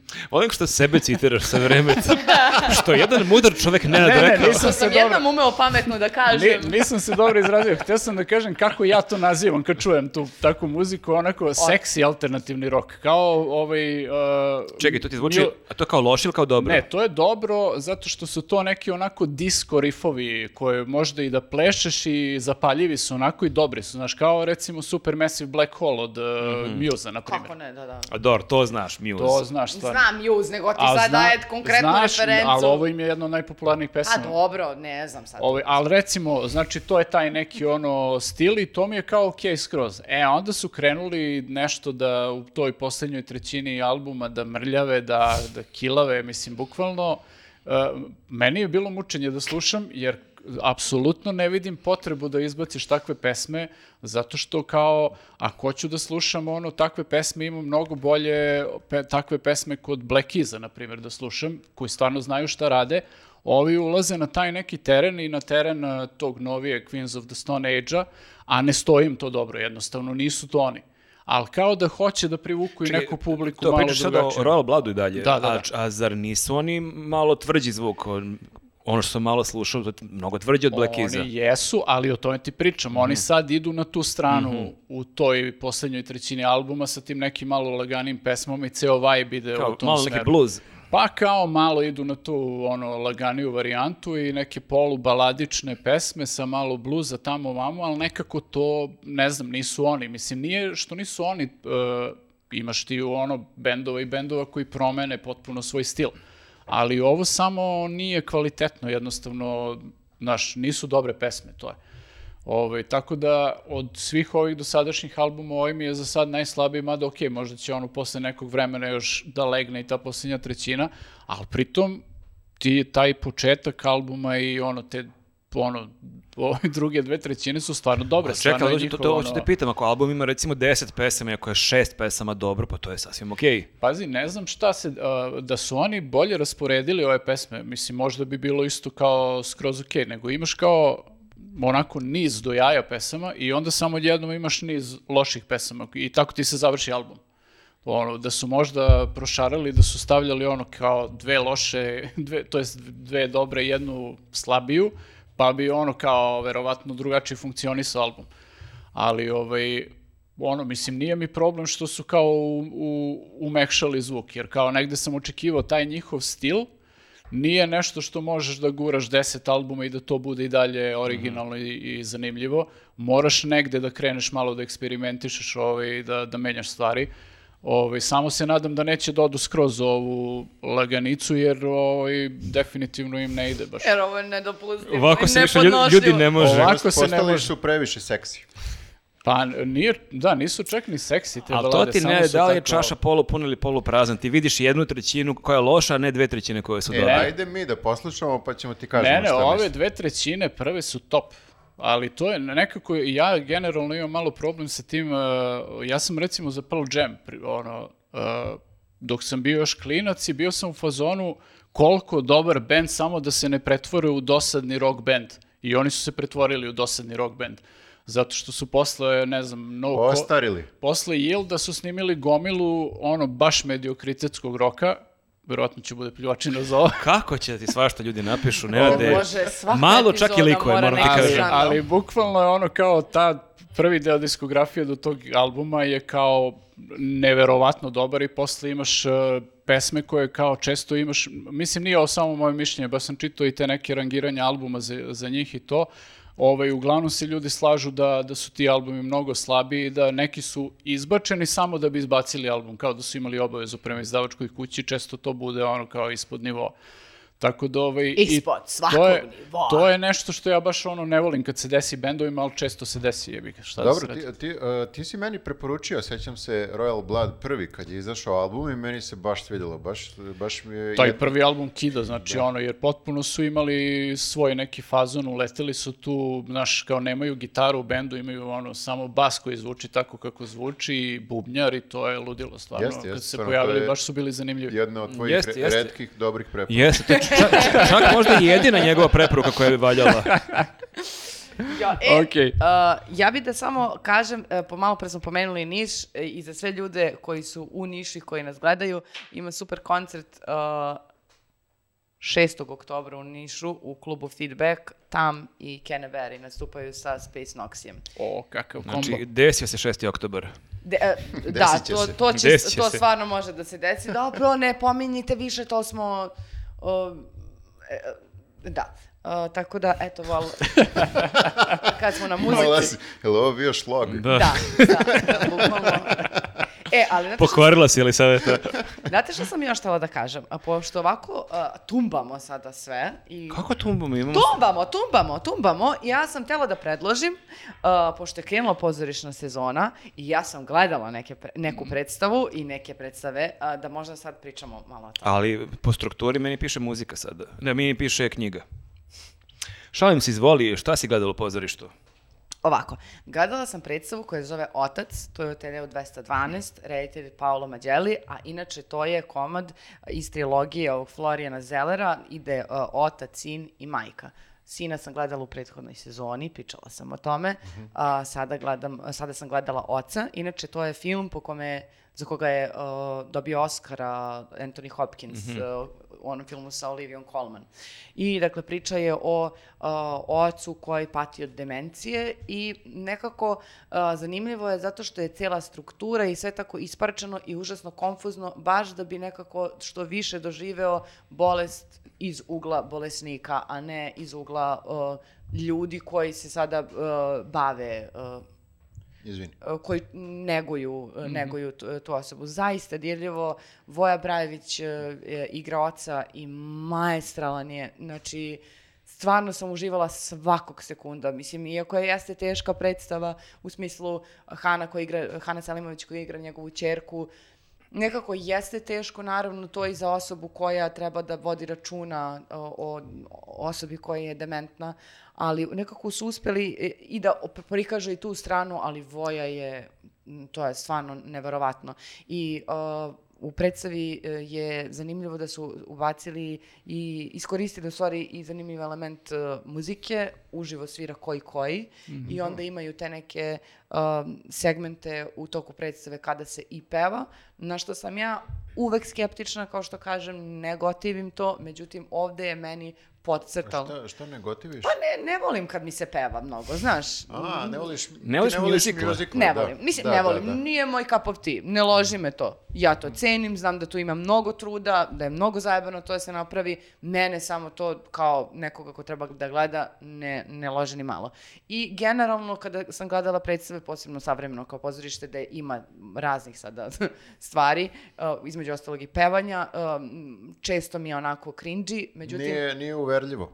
Ma ne, ne, ne, ne, nemoj da me zebaš. Nego jednostavno, ovde mi je, na primjer, podcrtalo celu priču i dalo, e, dalo neku do- do- dodatnu, dodatnu težinu. I eto, ja bih vam stvarno a, preporučila i nekako mi se čini da je ovaj e, pisac izuzetno, mm, mislim sad ga baš, baš postavljaju, mislim i u BDP-u da, da će postaviti nešto. Jedino ništa nisam videla za ovaj treći deo, a to je a, majka, ali A nadam se... jel predstava Sijen i dalje može se pogleda? Može, može. Ja mislim da da. Mislim, ja sam krajem let, toko leta, kad je bio kraj sezone, pogledala.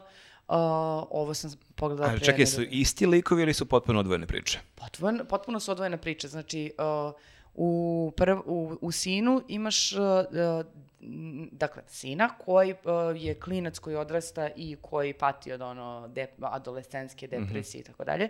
I o, o, njegovog o, odnosa sa ocem koji, i majkom koji pokušavaju na neki način mu pomogne i njihove nemogućnosti da do, nekako doskoče celoj toj situaciji.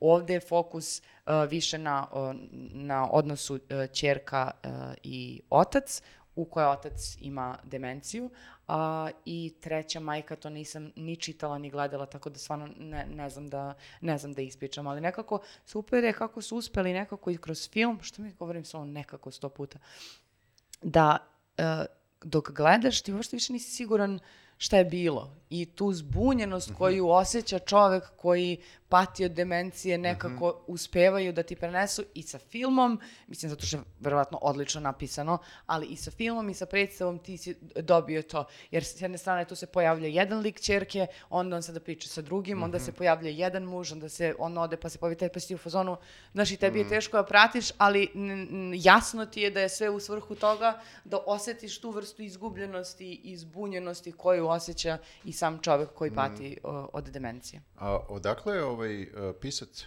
Ja mislim da je on francuz. A, okej.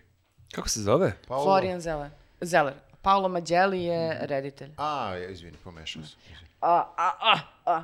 Eto, to je to. Imam još jedno, ali to mogu i posle da preporučim još jedno. E, dobro, Može. dobro. Dobro, ja nemam predstavu ja, prelazimo na knjige sada. Potpuno si razbila ovu strukturu. E, da, ja isto nemam predstavu. Nemam ni ja, ali ovaj, ovo sad svaštara gde možemo nešto da ubacimo, ovaj, tipa YouTube kanal i to Pa, ili... Ako želite, može. Mislim, ba, ba, danas sam, kao što vidite, vrlo čudno Ne, šta, raspoložena. jesi ti dobro? Jel ovo tvoj klon, mislim, šta se ovo dešava? Ali nisi nas upozorila da će ovo da se desi, sad smo svi Nova ono... ja je vrlo... Pa, pa, pa, pa, pa. Zatečeni smo sad. Iznenadila sam vas. Hoćeš da onda pričaš YouTube kanal neki, E, šta nije si- YouTube kanal, ali mogu da pomenem jedan dokumentarac od kog sam pod utiskom već danima, ono, od kako sam počeo da ga gledam, mada je izašao, ne znam, pre nekoliko godina, ali nekako je meni promakao i cijela ta priča mi je promakla i potpuno sam oduvan sad, ono, dok gledam i dalje, ovaj, ostalo mi još nekoliko epizoda do kraja. Zove se dokumentarac Making a Murderer. A, to si pisao na Facebooku. Ovaj, da, to je dokumentarac o čoveku kojeg su 85. osudili za, za silovanje i ubistvo i koji je kao nakon 18 godina, zove se Steven Avery čovjek, i nakon 18 godina je on uspio da dokaže svoju nevinost nakon što je nakon što je tehnologija toliko uznapredovala da može da ovaj, na drugi način uh, obradi dokaze i to DNK tehnologija konkretno i na osnovu nove tehnologije oni su ovaj saznali zapravo da to jest utvrdili su ko je zapravo silovatelj i ubica i uh, zaključili su da je on čovjek 18 godina bio u zatvoru, ni zbog čega. Jebote. I uh, on je izašao 2003. Uh, na slobodu. I sad imaš e, o celom tom slučaju e, govori prva sezona. Dve sezone e, su u pitanju po 10 epizoda. I sad ti sad misliš, sve vreme se pitaš, ja sam se pitao u stvari jer on kao ne znam u kojoj epizodi izlazi, puštaju ga i ja sad ok, kao čemu će da bude sad Da, ostatak? da, ja se pitam kao koliko ima materijala za tolike epizode. Da, dve godine nakon toga, on nakon što je izašao iz zatvora, a, mislim, to je inače jedan od gigantskih slučajeva u Americi, ono u pravosuđu generalno njihovom i baš ono je imao ogroman odjek i sve to. I on nakon što je izašao, on kreće sad u pravnu borbu da ga obeštete, da o, ušao u neke programe za, postoje čitavi ti neki, čitavi ti neki e, ono nizovi organizacija koji se bave a, nevino osuđenima, koji ih zastupaju i sve to i uh, sad je on krenuo u tu pravnu borbu da, da jel, država da prosto odgovara Da, zbog da. toga što je uradila. I to je, već ti tu ono, uh, potpuno poludiš kad gledaš koliko je država zapravo sistem kad se, kad se osuti, osjeti ugroženim i ovaj, kad uh, si mu ono kao na, na korak od toga da mu staviš soli na rep zbog nečega što je zabrljao, koliko se mobiliše zapravo da sam sebe zaštiti, uh, jer kad su krenuli da, da ceo njegov slučaj uh, uh, raščlanjuju, ono, da proučavaju i sve to, to je neverovatno koja količina uh, brljotina. Zapravo ti vidiš da, da su prosto njega samo hteli da smeste iza rešetaka i ništa drugo nije bilo bitno. On je bio uh, markiran kao meta i to je to. Uh, I tu sad ne samo da on, to je uh, Manitovog se zove mesto u kojem Jel se ima to to dešava. nekog rasističkog momenta, on belac? Ne, ne, on je belac, oni su, Aha. ali imaš moment koji nije rasistički, ali on je belac koji ono, cela familija su ono neki klasični redneci Mhm. i uh, oni odudaraju od zajednice.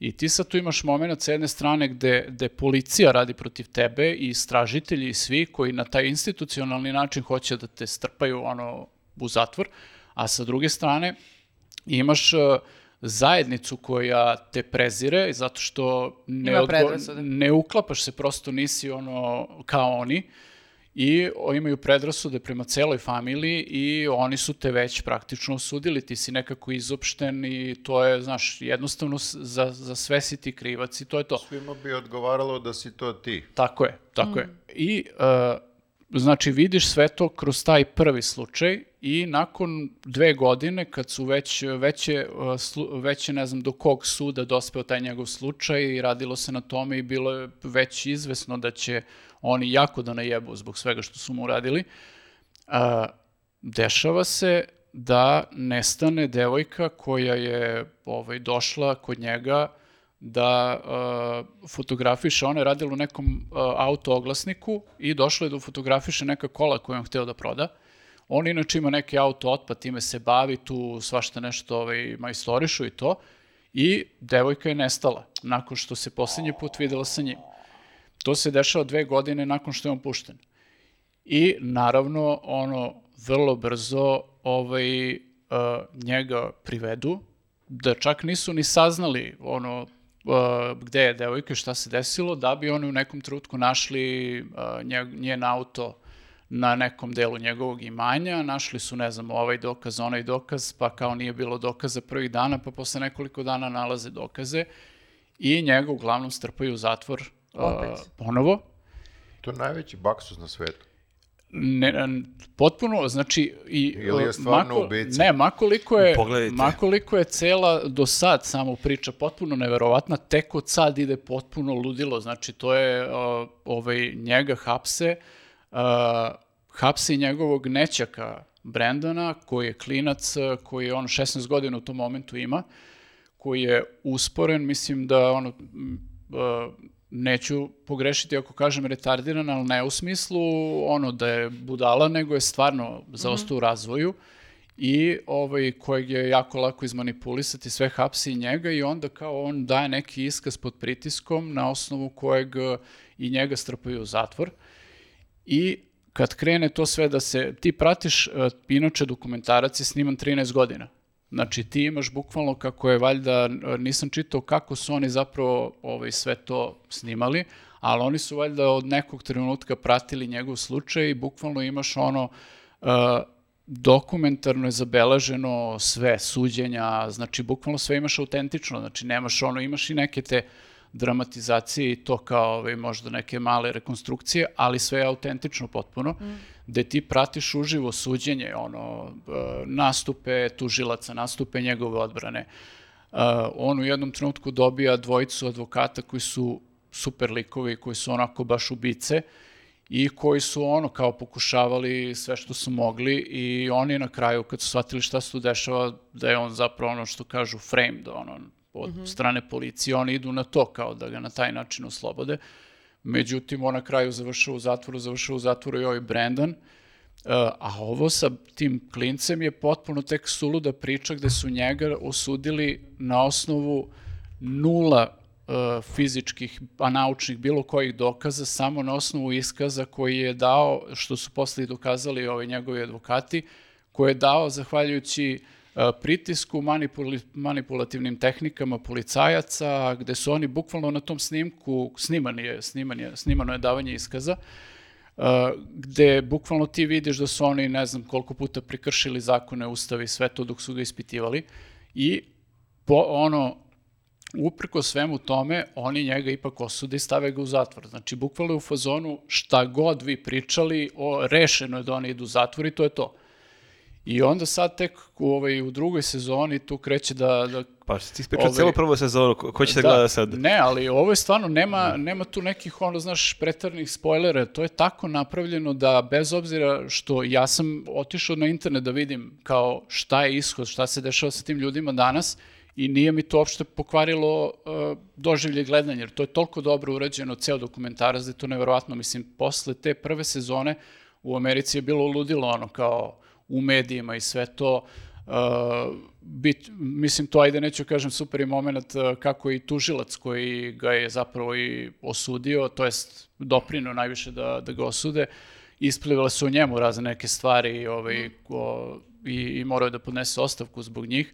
Uglavnom, on sad, i mislim da je ta žena i dalje njegov zastupnik, oni su na kraju najmili kad su iscrpeli ovi njegovi advokati prvobitni, e, sve te neke pravne lekove koji one mogu, uh, on je došao do te, prihvatile njegov slučaj, ta neka advokatica, ne znam sad ime i prezime, uh, koja je ubica baš za te slučajeve gde su ljudi nevino osuđeni koji je izvukli iz zatvora ne znam koliko ljudi, i koja je potpuno luda. Znači, žena je ono kao u fazonu, njemu je rekla kao, ako si me, ako si me pozvao, kriv si, nakon uh, mojih istraga ćeš biti kriv još više. A ako, ako nisi kriv, izaći ćeš napolje i to je to kao, jer ono, ona je bukvalno i od samog starta ona kreće u uh, da svaki ono uh, najmanji detalj slučaja uh, proučava, raskrinkava i pro, ono na teren ide da, da ispituje šta se desilo, kako se desilo, angažuje sve moguće stručnjake. Što bi savjeta rekla, baš si iscimala. Neverovatno, znači, ono, i pritom ti vidiš da se ta žena stvarno iskreno loži na, na pa sve dobro, te stvari. Pa dobro, zato je i dobro. I baš je ubica u tom svom poslu i, ovaj... Ubica. Da, da, da. ubica. Da. ovaj, Tako da, uh, serija je potpuno, mislim da, da ne, nisam gledao bolji dokumentarni serijal, je stvarno to što je snimana toliko dugo, daje je baš na autentičnosti, ti bukvalno imaš sve te... A da ima da se pogleda? Na ovaj, Netflixu. Da. Uh, ima dve sezone po deset epizoda, eto ja sam došao tu kad ona preuzima njegov slučaj i kreće da se bavi time i kao ovaj, Mislim, nije, nije ni to neki pretarani spoiler, zato što... Ovaj... Kao, usled svega što sam da, rekao. Da. Posle nju ubijaju i opet njega okrive. Nemoj više da... Dosta sve si rekao, Šone, stvarno, jako lepo pričaš, ali bukvalno si prepričao cijelu sezonu. Ne, ovaj, ok, ima gomila stvari koje se desi u toj drugoj sezoni, bar već do ovoga što sam pogledao, Ti samo ovaj, da špicu otpevaš i to je to. Ovaj, uglavnom, uh, apsolutno, znači evo, kako kažem, ja sam otišao i pogledao šta je ishod, šta se dešava sa tim, sa ovom dvojicom i nije mi to ni jednog trenutka upropastilo doživlje gledanja zato što je toliko dobro urađeno, toliko je dobro snimljeno, snimljeno ovaj, da, da je ono, znači držite nenormalno, a pritom epizode traju po nekih ono sat vremena, nije baš ono kao tipa 25 Znači, minuta. treba i to. 20 sati svog života da uložimo to. Ako ćeš da uložiš u najbolji dokumentarac koji si gledao, da. To je ono... Eh, Dobro. Viktore, ti šta imaš? Od ovih stvari koje nisu knjige, Jesi Da. sad kad smo upropastili strukturu. pa isto sam gledao e, dokumentarac, ali smo već pričali o tome u popkastu gde su bili uh, Butch Cassidy, Zoran je konkretno preporučio. To su oni likovi koji su vas prekidali non stop. Da, i konkretno Zoran. ovaj, e, tako da, u slučaju da neko nije čuo ovaj, Zoranovu preporuku, u slučaju da je neko ugasio ovaj podcast pre nego što je Zoran stigao do, do toga, ja samo da ponovim, super mu je preporuka, stvarno. Zove se How To, isto dokumentarac. How To with uh, John Wilson. Aha, aha. Gledali Da, da, ja sam gledao prvu sezoni, počeo sam drugu, predivno je stvarno. Sad si me samo podsjetio, evo, neću dugo o tome, pošto smo već pričali o tome, ali stvarno ovaj, dajte mu uh, šansu, nemojte da vas uh, zavara to što je Zoran to preporučio. Tako da, ovaj, uh, jako mi je fascinantno kako je snimljeno. Znači, taj čovek, John Wilson, On je lud, potpuno. on je lud, potpuno ok, ali ok, imaš dosta ludaka. Nego kako uspe da snimi sve te stvari na ulici? Ali on snima non stop, On on, snima ima non-stop. sate, materijali, meni Da. je super kako on ima I ti neki... si gledao? Gledao sam prvu sezonu, predivno stvarno Da. oduševio sam se.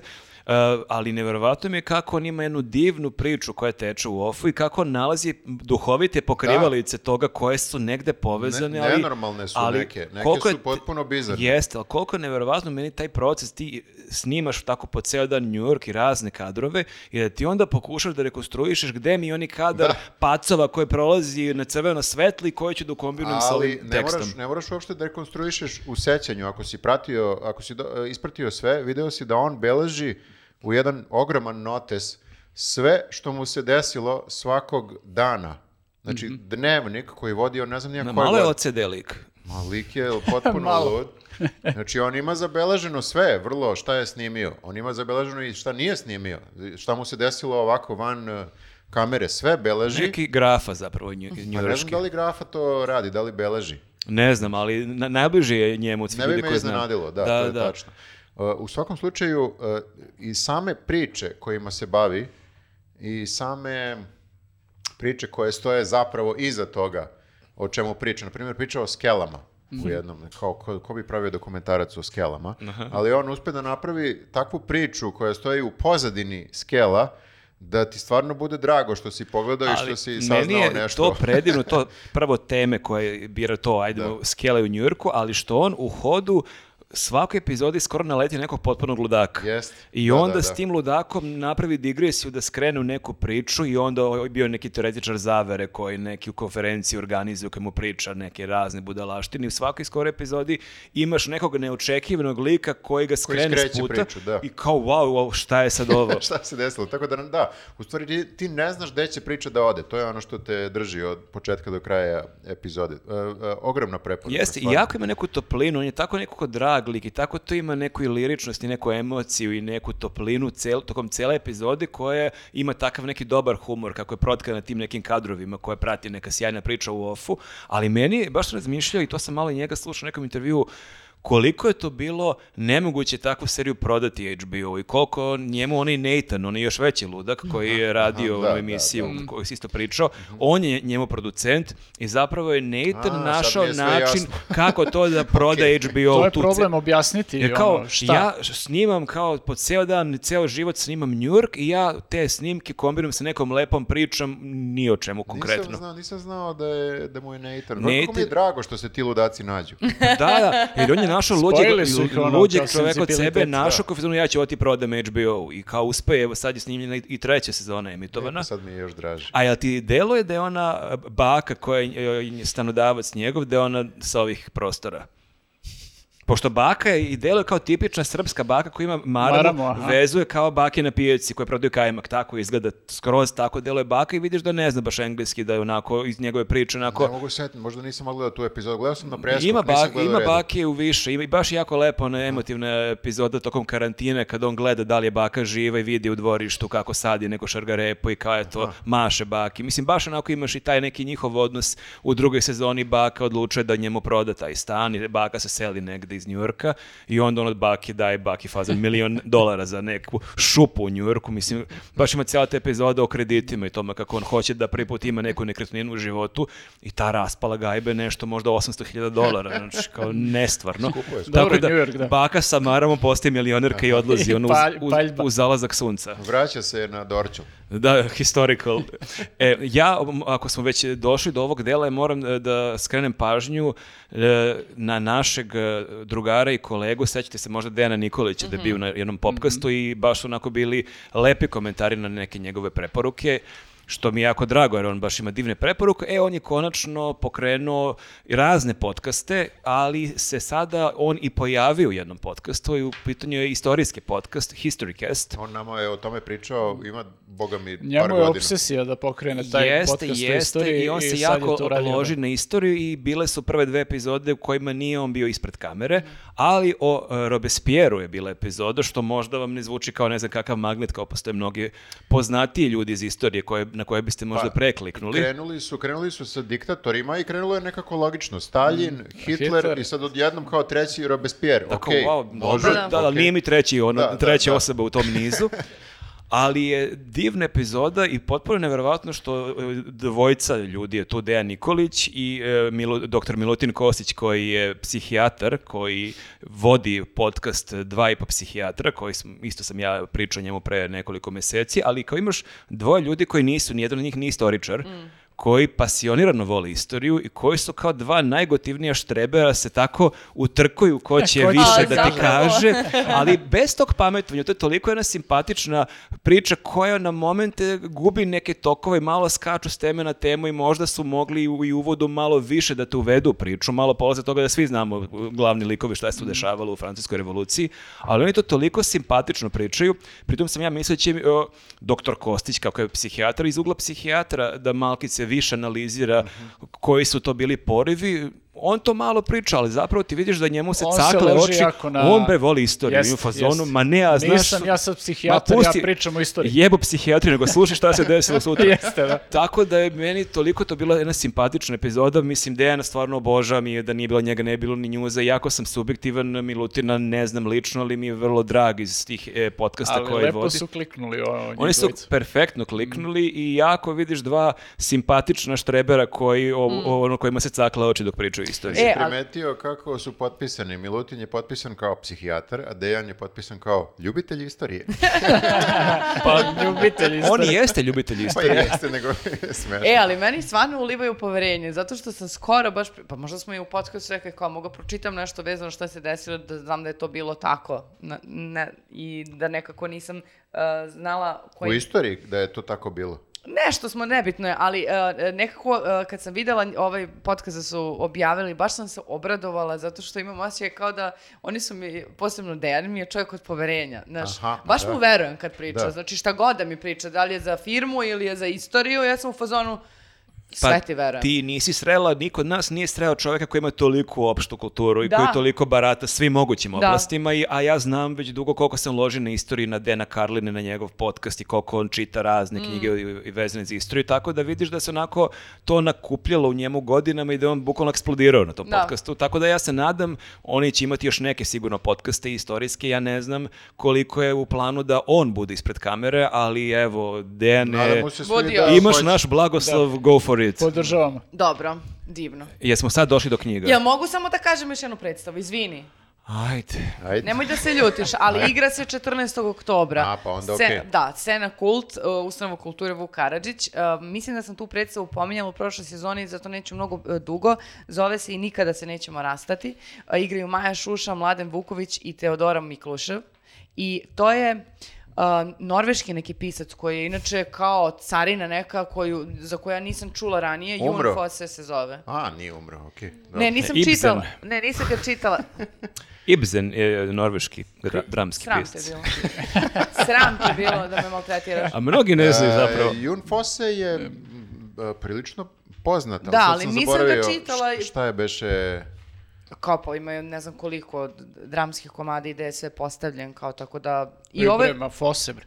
e, ove mi se jako sviđa e, zato što je u pitanju e, ono jedna potpuna, kao jedno, kad smo čitali jednu knjigu Anije Erno za posjednutost, znači to je jedna o, o, o, žena opsednuta, anksiozna, očajna i sve vreme koja samo razmišlja o tom čovjeku i kada će se on vratiti i šta on sada radi i šta će ona sada da radi, da je ona dobra ili nije dobra, ona će biti dobra, da će onda se vrati i više nema sad neki kao linearan r- razvoj, neku priču, nego je više kao neka mantra koja ona to stalno kao nešto ponavlja i ne- nekako ne mogu da kažem da nisam se prepoznala i rasplakala u nekim delovima a, predstave.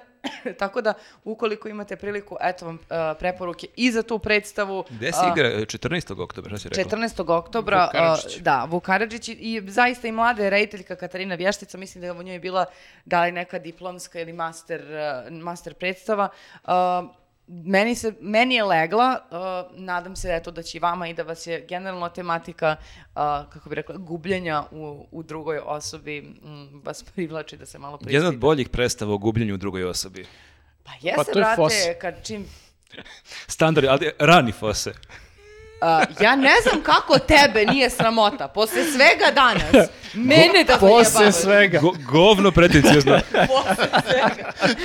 Pose svega. Bukvalno, ono, džubre pretencijozno. e, Mua.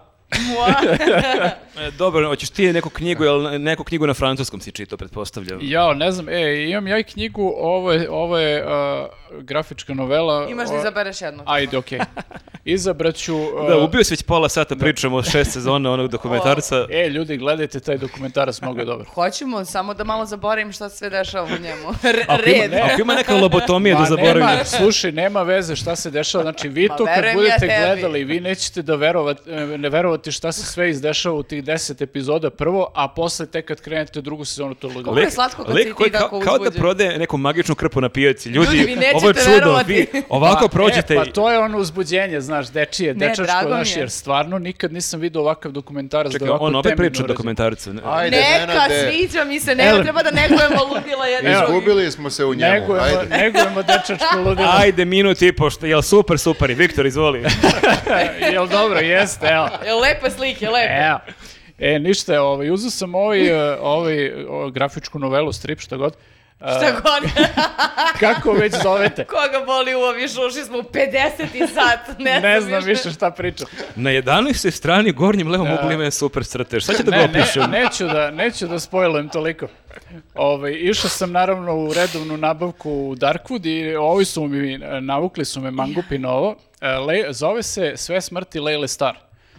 E, dešava se u Indiji ovaj, e, strip i e, počinje zapravo tako što smrt, ne u Indiji, nego gde je već smrt obitava, Bog joj saopšti da moraju da naprave neku reorganizaciju i da je otpuštena.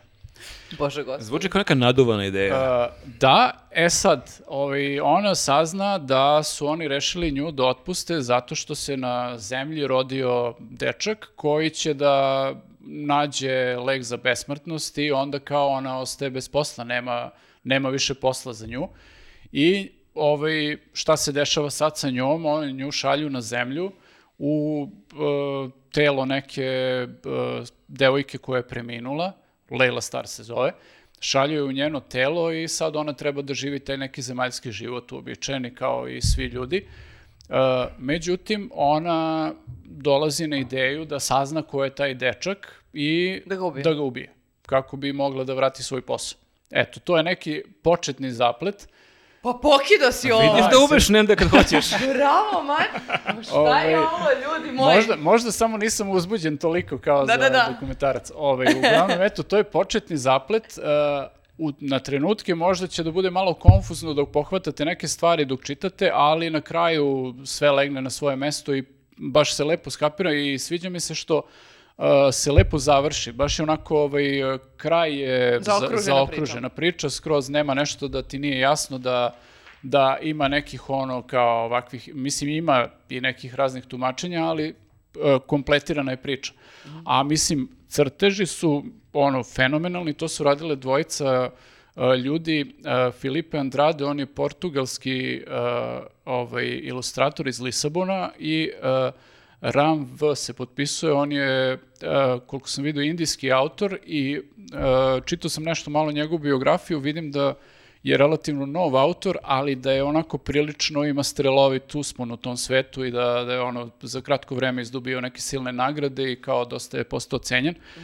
Ovde ima, osim tog samog e, stripa, a, ima i gomila nekih e, alternativnih naslovnih strana koje su oni verovatno kao da li su za različite izdanja ili za, za ovaj ili možda neke ideje koje su urađene a nisu prošle i to su različiti autori. Možda su i dobili kao po zadatku da na- nacrtaju te alternativne naslovnice i sve su one super stvarno ovaj pošto je izdeljena ovaj eh, izdeljena je novela po tim nekim poglavljima na kraju svakog poglavlja ima ono jedne ili nekoliko tih uh, ovaj, naslovnih strana, baš onako dobar break, jer toliko su dobro i različitim stilovima nacrtane da ti moraš stvarno da malo zastaneš ono da, da Obratiš pogledaš. da Pokaži samo pažnju. naslovnu ili da Evo, ljudi je recimo, vizualizuju kad budu kupovali. O, ovo je naslovna koja je kao zvanična na novom izdanju, a možete da vidite recimo evo dve, ovi kako izgledaju dve alternativne naslovnice. Pazi, ali koje sad su ovo je, stvarno- ovo je strašno. Dobro, pa, ali ovo su ozbiljne ilustracije. Tako je, tako je, baš i mislim, uh, baš su različiti stilovi svih autora i to je on baš ovaj, da prosto vidiš kako su na različite načine videli Lelu Starovo, junakinju priče. Tako da eto, to je to od mene. Bravo. Da, ovo ko sluša ovo ili savjetno skloni se nije bilo Nenadu nego nekoj movie. Da, na, popada nas muva sve vreme, a ne želim da udarimo. Skloni se. Ajde, liče, skloni se. Dobro. Viktor, ti imaš neku audio knjigu. Kako znaš? Vidim da vadiš mobilni. Da. Čitaš, chapter one. Izvadio sam ga i sad ćete da, da čujete. Stvarno, ovo je gore od moje malo prefore omiljeni bend eh, kraljevske porodice. Znaš šta, ali te fore iz petog razreda uvek su najbolje. Jeste, Adam Sandler. Ej, uh, uh, slušajte ovako. Knjiga se zove How to be perfect. Perfect. Perfect. How to be perfect. Uh, pisao je lik uh, koji se zove uh, Michael Schur. Jel To mi ošurio? nešto zvuči poznato. Michael Schur je radio seriju, uh, uh, kreator serije The Good Place. Ako ste je gledali. Moguće da... Šta je beše to? uh, o- U seriji se radi o tome da je uh, igra ova glumica koja se zove Kristen Bell. Dobro. e, plavuša ona, koja završi u raju, znači počinje tako što je ona umrla, ne vidi se kako je umrla, završi u, u raju i ispostavi se da je završilo, završila u raju greškom. Ona uopšte nije dobra osoba. U, smi- Aha. u smislu nije ubica, ali je ono prosječna osoba Nije koja, baš ni za raj, da. koja laže, vara, znaš, uopšte nije za raj i greškom je završila tu i sad kao nalazi se među svim tim dobrim ljudima, u ra- za- zapravo dobrim ljudima u raju i pokušava da shvati kao kako da se snađe tu i drugi ljudi, neko od njih provali da ne bi trebalo da bude tu i pokušava da se uklopi u to da bude dobra. Uglavnom, serija je prilično, komedija je u pitanju naravno, ali je e, prilično onako dekonstruiše sve te neke moralne principe, e, religiozne, e, ne znam, nija etičke i tako dalje i sve te polarizujuće stvari i zapravo je ova knjiga um, sažetak onoga što je Michael Schur e, morao sve da pročita o raznim filozofijama, religijama i tako dalje, da bi napravio seriju. Onako Aha. kako on misli da treba. E, Knjiga je, kao i serija, vrlo duhovita. I jako je dobar neki digest, opet sad ponavljam po stoti put, tih svih filozofskih, etičkih, moralnih, religioznih e, načela, koje naravno nisu sva crno-bela, nego on u njima nalazi humor pre svega, ali i pokušava da ih onako dekonstruiše i analizira do, do, do krajnjih e, granica. Tako da je ovo, e, i on sam e, e, čita knjigu, tako da to je neki dodatni bonus, ja volim kad autori čitaju svoje knjige, jer znaju tačno kad otprilike treba da naprave em, pauzu radi komedije, kad treba da promene glas i tako dalje. jeste, ali čak i ako to nije savršeno, i Da. ceniš nekako Znaju dodatno. kako su zamislili da Pa to jeste, ti izgovore. ceniš da to je taj lik, on to čita kako, je- kako on priča, inače pa da, možda ima neku bolju dikciju, ali nekako autentično je. U svakom slučaju, opet, eto, ja se, ne znam ni ja zašto, ali vuku me te neke non-fiction uh, self-help knjige. Ne znam da li je self-help, ali tu je negde. Ali jako je duhovito. U svakom slučaju, plus mi jako nekako znači što sad u ovim godinama kada imam vremena da nešto kao zapravo i naučim, a ne u srednjoj školi, e, i naučim te stvari koje me interesuju o e, filozofiji, istoriji, ne znam, nija etici, moralu i tako dalje. Tako da nije naravno e, knjiga koja će vam stvarno pomoći da budete perfect. Ali e, pokušam da zamislim scenu da neko kupuje, da dolazi u knjižaru na kasu i nosi knjigu How to be perfect, kao okej, ajde jadniče, ti ćeš, baš imaš potencijal. naslova- Iz naslova ti je jasno da je u pitanju, jeli, komedija. Da. E, tako da, osim ako neko Pa ne ne, ali ja stvarno ozbiljno. mislim da bi neko to mogao da kupi, ono da Realno poveruje bi da, mogao, da, osim ako nije na sekciji, u sekciji komedije. ako je da je neki vodič kako da budeš savršena verzija sebe. Da, mislim, e, naravno on to sve pokušava ozbiljno da izanalizira i pokušava da on ti, nećeš doći do nekih odgovora šta je ispravno, šta Nećeš nije. biti savršen posle čitanja. Ali je jako zanimljivo, na primjer zanimljivo mi je bilo što pokušava da izanalizira ovaj e, problem o ne znam da li znate, to je na internetu kao, ne znam, e, postao čuveni taj problem e, gde jedna, jedan tramvaj se otrgao kontroli i sada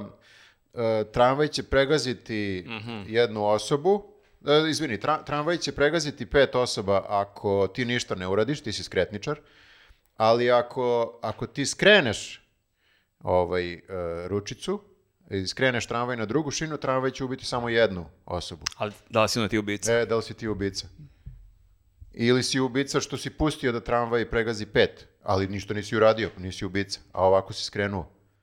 Nešto si uradio. Znači, akcija koja menja, Ima svoju, da. menja tok istorije ili čega god i ima, ima svoj e, efekat, ima svoj. Posledice, I je li on odgovorio na tu dilemu, šta Nije, treba on raditi? analizira tu, mislim, ne možeš da odgovor, to je dilema koja nema Pa da, odgovor. da. Ne, ali to dok da li je dao svoju verziju? Da, dobro, internet obično kaže ovaj, prvo pregaziš ovih pet pa se vratiš po ovu jednu. Da, mislim, naravno, ima, ima raznih.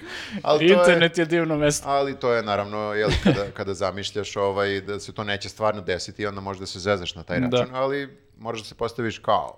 Ako bi Ali mogao- jeste, da, Da se Aj, postaviš u- zanimljiva Naš dilema. pitanje je ovih petoro ljudi, kakvi su likovi, kakav je ovaj lik. Sve je to, da, sve Jest. je to obrađeno ovde. i Sve treba sve, uzeti u obzir. I on sve uzima u obzir i naravno da daje milion raznih varijanti i mislim, ovde putovanje je e, e, ci- e, kako se kaže, put, e, Putovanje- suš- suština je u putovanju, a ne u cilju. jel? Suština u putovanju kad tih petoro ljudi koji su vezani za prugu.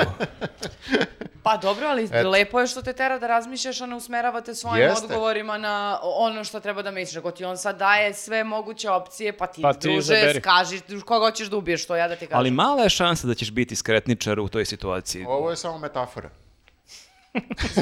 A to nije neki savjetnik za ske- skretničare? Ovo je Dobro je da nemamo za mnogo vozova. Da. Eto, to je, ovaj, to je od mene e, preporuka za... za lepo, ovo. lepo. E, Evo od mene može knjiga koja se zove Stoner, John Williams je pisac. Uh, ovo je knjiga inače koju, uh, mali istorijet kako sam došao do ove knjige, uh, Viktor i ja smo pre malo više od dve godine bili kod Galeba u podcastu, u, Agelastu. Ne, bili smo stonir- stonirani. A, bili smo kod Galeba. se dešava. E, bili smo kod Galeba u podcastu i ja imam taj problem da ja kad kod nekog vidim knjige, policu s knjigama, ja uvek Ukradeš. priđem, da, da, da, zagovaram ga, ukradem, a zapalim one koje ne ukradem. A, ja uvek, To je veći problem. i onda mu često zapalim i stan. E, u svakom slučaju ja imam taj problem da ja moram da priđem i da vidim koji su to naslovi i to se nekad pitam da li je malo nekulturno i nekad čak i pitam, izvini ako je ovo suviše intimno, mada nije sad da pretoram nekome po Što gaćama. to bilo intimno? Pa ne znam, Pa meni da, je to mora- kao da ja sa tebi otvaram orman, gledam koje imaš majice, Ali znaš. nije, Galeb je izložio Jeste. sve svoje gaće. Jeste, jeste. Mislim, ja sam njemu i po gaćama preturao posao, ali ovaj sam teo pričam o knjigama.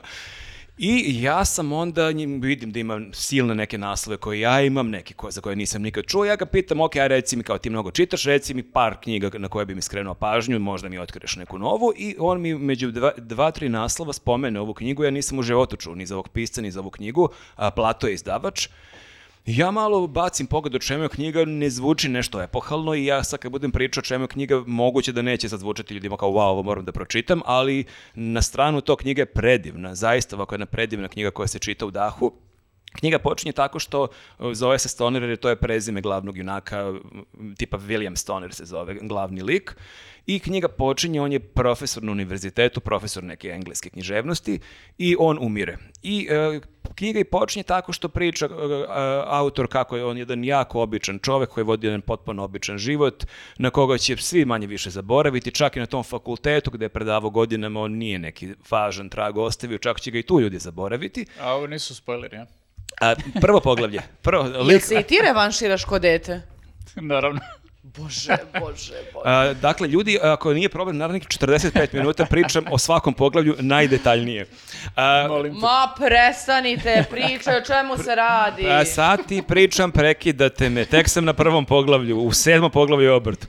Ulazimo u peti sat, ljudi. knjiga onda se vraća, nećeš verovati, znači on umire, ali mi zapravo čitamo o njegovom životu, ne čitamo o njegovoj smrti samo. pa dobro, vraća, se, da se čita? vraća se u njegov život i mi zapravo pratimo njega od detinjstva do kraja života. I to zaista onako jedna priča na izgled o nekom običnom čoveku, ali koja je tako zanimljivo napisana. On je odrastao na nekoj, na nekoj farmi, njegovi roditelji nisu bili obrazovani, to se dešava nešto krajem 19. početkom 20. veka, taj period kad je on dete. I oni njega, kao, daju ga na školovanje u nadi da će on e, kroz školovanje naučiti da na efikasniji način obrađuje zemlju. Ideja im je da se on tu vrati, ali on se zaljubi u književnost i to se čak zaljubi tako što e, dobije neko pitanje o Šekspiru, on ne zna odgovor i profesor ga čak malo onako i, i, i izvređe pred e, celim amfiteatrom gde on to uopšte ne doživi toliko kao neku uvredu, već njega to jako zaintrigira, da on poželi Da da, sazna, malo jel? više sazna o Šekspiru i raznim drugim piscima i on postaje pasionirani ljubitelj književnosti i ne vraća se više kući, postaje profesor na fakultetu i sad tu ima raznih e, nekih sporednih priča, a, ali neka najvažnija i meni najzanimljivija nit je njegova priča vezana za njegov brak i njegov odnos sa ženom i koliko on je na jedan tako jedan težak način opisuje taj mučan odnos i zapravo otvara tu neku dilemu i to neko pitanje koje nije ništa revolucionarno, ali to koliko zapravo brak sa pogrešnom osobom, pogotovo u to neko vreme kada razvod nije bio toliko prihvatljiv kao što je možda danas, koliko zapravo to može da ti upropasti život. I on ima ženu s kojom u početku ima lep odnos, ali ka- kako godine prolaze, oni se jako udaljavaju, oni su baš dva različita sveta, njegova žena je jako tu nesrećna. I oni dobijaju ćerku i zapravo taj deo je meni bio nekako naj, najlepši najemotivniji, najtužniji, jer on svu tu svoju ljubav i to što nema sa svojom ženom uh, usmerava ka svojoj ćerki i ima s njom divan odnos kad je ona dete, ali i žena kako s njim ima loš odnos to primeti i ona tu kreće do, da ga sabotira i da njihov odnos sabotira, da ih sapliće, da ona pokušava da otrgne ćerku od njega pod izgovorom da ona mora da je bude sa svojim vršnjacima, da ona tu previše vremena sa ocem, da on tu neki smarač i oni kreću se udaljavaju. I taj negde deo, mislim, to me najviše pogodilo jer sam se baš i lično u tome našao jer ja imam dve ćerke i baš ima taj moment kad negde sad da ne otkrivam neke sad silne stvari u knjizi, ali ima taj neki deo kada je već on star i kad je njegova ćerka u 20. godinama i taj osjećaj strašne tuge i nemoći kad ti shvatiš da je tvoje dete nesrećno, a da ne možeš ništa da uradiš. I da si ti možda mogao nešto da uradiš, da si imao kontinuitet svih godina, da si negovao taj odnos koji ste imali u nekom trenutku, ali koji je prekinut i na koji ne može sad da se na bilo koji način promeni. I to me toliko pogodilo da sam ja onako sa kanedlom u grlu čito te poglavlja koje se odnose na taj njihov odnos, jer nekako kao roditelj ti imaš gomilu strahova, šta sve tvom detetu može se desiti, nekih vrlo konkretnih strahova kojih teo nekto da ti prođu kroz glavu, ali nikad nisam pre e, ove knjige razmišljao o tome koliko je sigurno strašan osjećaj to da ti gledaš svoje dete i da vidiš da ono nije srećno i da vidiš da je u situaciji da teško može se vrati na neki put neke sreće i radosti, a da ti apsolutno ništa ne možeš da promeniš i to me onako toliko bilo strašno i potresno, tako da mi to negde ovako najjači moment te cele knjige, ali cela knjiga je predivna i jako ovako i setno i divno opisuje njegov život i to neko njegovo mirenje i njegov odnos i sa svojim kolegama i sa prijateljima, tako da ne otkrivam sad previše toga, ali knjiga ovako koja se čita zaista za dva, tri dana, iako ima skoro 300 strana, zaista ovako jedno ozbiljno remek delo i Galebe hvala ti na preporuci. Cool. Sad si nas i rastužio i... Tako je. Pa ne može samo da bude smešno. Ali da, vidim da sam imao malo preozbiljne preporuke, morat ću nešto smešno za sledeći put. Ne moraš, bukvalno Ma ne možeš moraš, da... zezam se, evo, Pa božavam. nije, nije, pretero sam, morat ću nešto smešno. Ne, ne, okej. Ima. Ne, Ne, najbolje je sad da te tešimo što si ti nas rastužio Pa i sve ja, ljude koji su ja slušali. sad kao govno osjećam, ja sad ono, ljudi hoće da se zabavljaju, ja sad Ne, pričam ovde bukvalno neko. najgori lik. Jesam. Neće svi da se zabavljaju, Ma ima nije, raznih pa ljudi. ima ovde šarenih preporuka prilično, tako da mislim da je sve to okej. Jel ti imaš nešto smešno? Nemam ništa smešno. Uh, čitala sam, ovo je Si je najne... naljutio sam. A, ovo je jedna od mm, kn- ne, najneobičnijih knjiga koje sam pročitala. Kako se zove? A, Pamtivek i druga doba. Mm, Olga Tokarčuk je a, spisateljica koja je kao jedna od najznačajnijih poljskih e, s- m, spisateljica e, i koja je dobila Nobelovu nagradu 2018. pa je naknadno zbog onih nekih skandala 2019. uručena. Ovo je knjiga koja e, prati to, kao zove je roman Reka u suštini i e, dakle ona prati neki dugi vremenski period jedna, jedne, jednog e, mesta koje se zove Pamtivek i te, te generacije ljudi u njemu, porodice i, mm, i druge ljude. Međutim, ono što je zanimljivo, znači knjiga je podeljena po segmentima tako da svaka osoba ima svoje doba. Ali ne samo osoba, nego i drveće, reke, mm, i ra- ne znam, lutka, stvari, raz... Kako svoje doba? Do, pa, do- e, o- o- Doba u smislu epohe ili doba u starosti? smislu života. Dakle, Aha, mi kao- sada dok pričamo, uh, možeš da pričaš iz perspektive je li Savetino doba.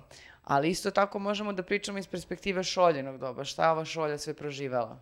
I šta je Reka proživela i kako ga živi. I užasno je zanimljivo. Meni je toliko bilo u suštini izazovno da se naviknem na, na pisanje i na... Da, se to malo teže čita. Pa boga mi nije ono laganica koju ćeš da... Mislim, ja se naravno... To kao iz šoljine perspektive sad Bukvalno posmatramo iz šoljine stvari. perspektive. Jel zvuči kao naduvana ideja? I za, ne, i zapravo je užasno zanimljivo kada počneš da razmišljaš da iz svačije perspektive uh, svi događaj i vreme može potpuno A, drugačije a čekaj, da... ako je iz ugla šoljer kao šolja narator, kao da je živo nije, biće nije, ili ona kako? priča o šolji. Aha. Evo, imaš, na primjer, igra i onda imaš igrino doba. Mhm. Šta se iz igrine perspektive uh, dešavalo. Dobro, dobro.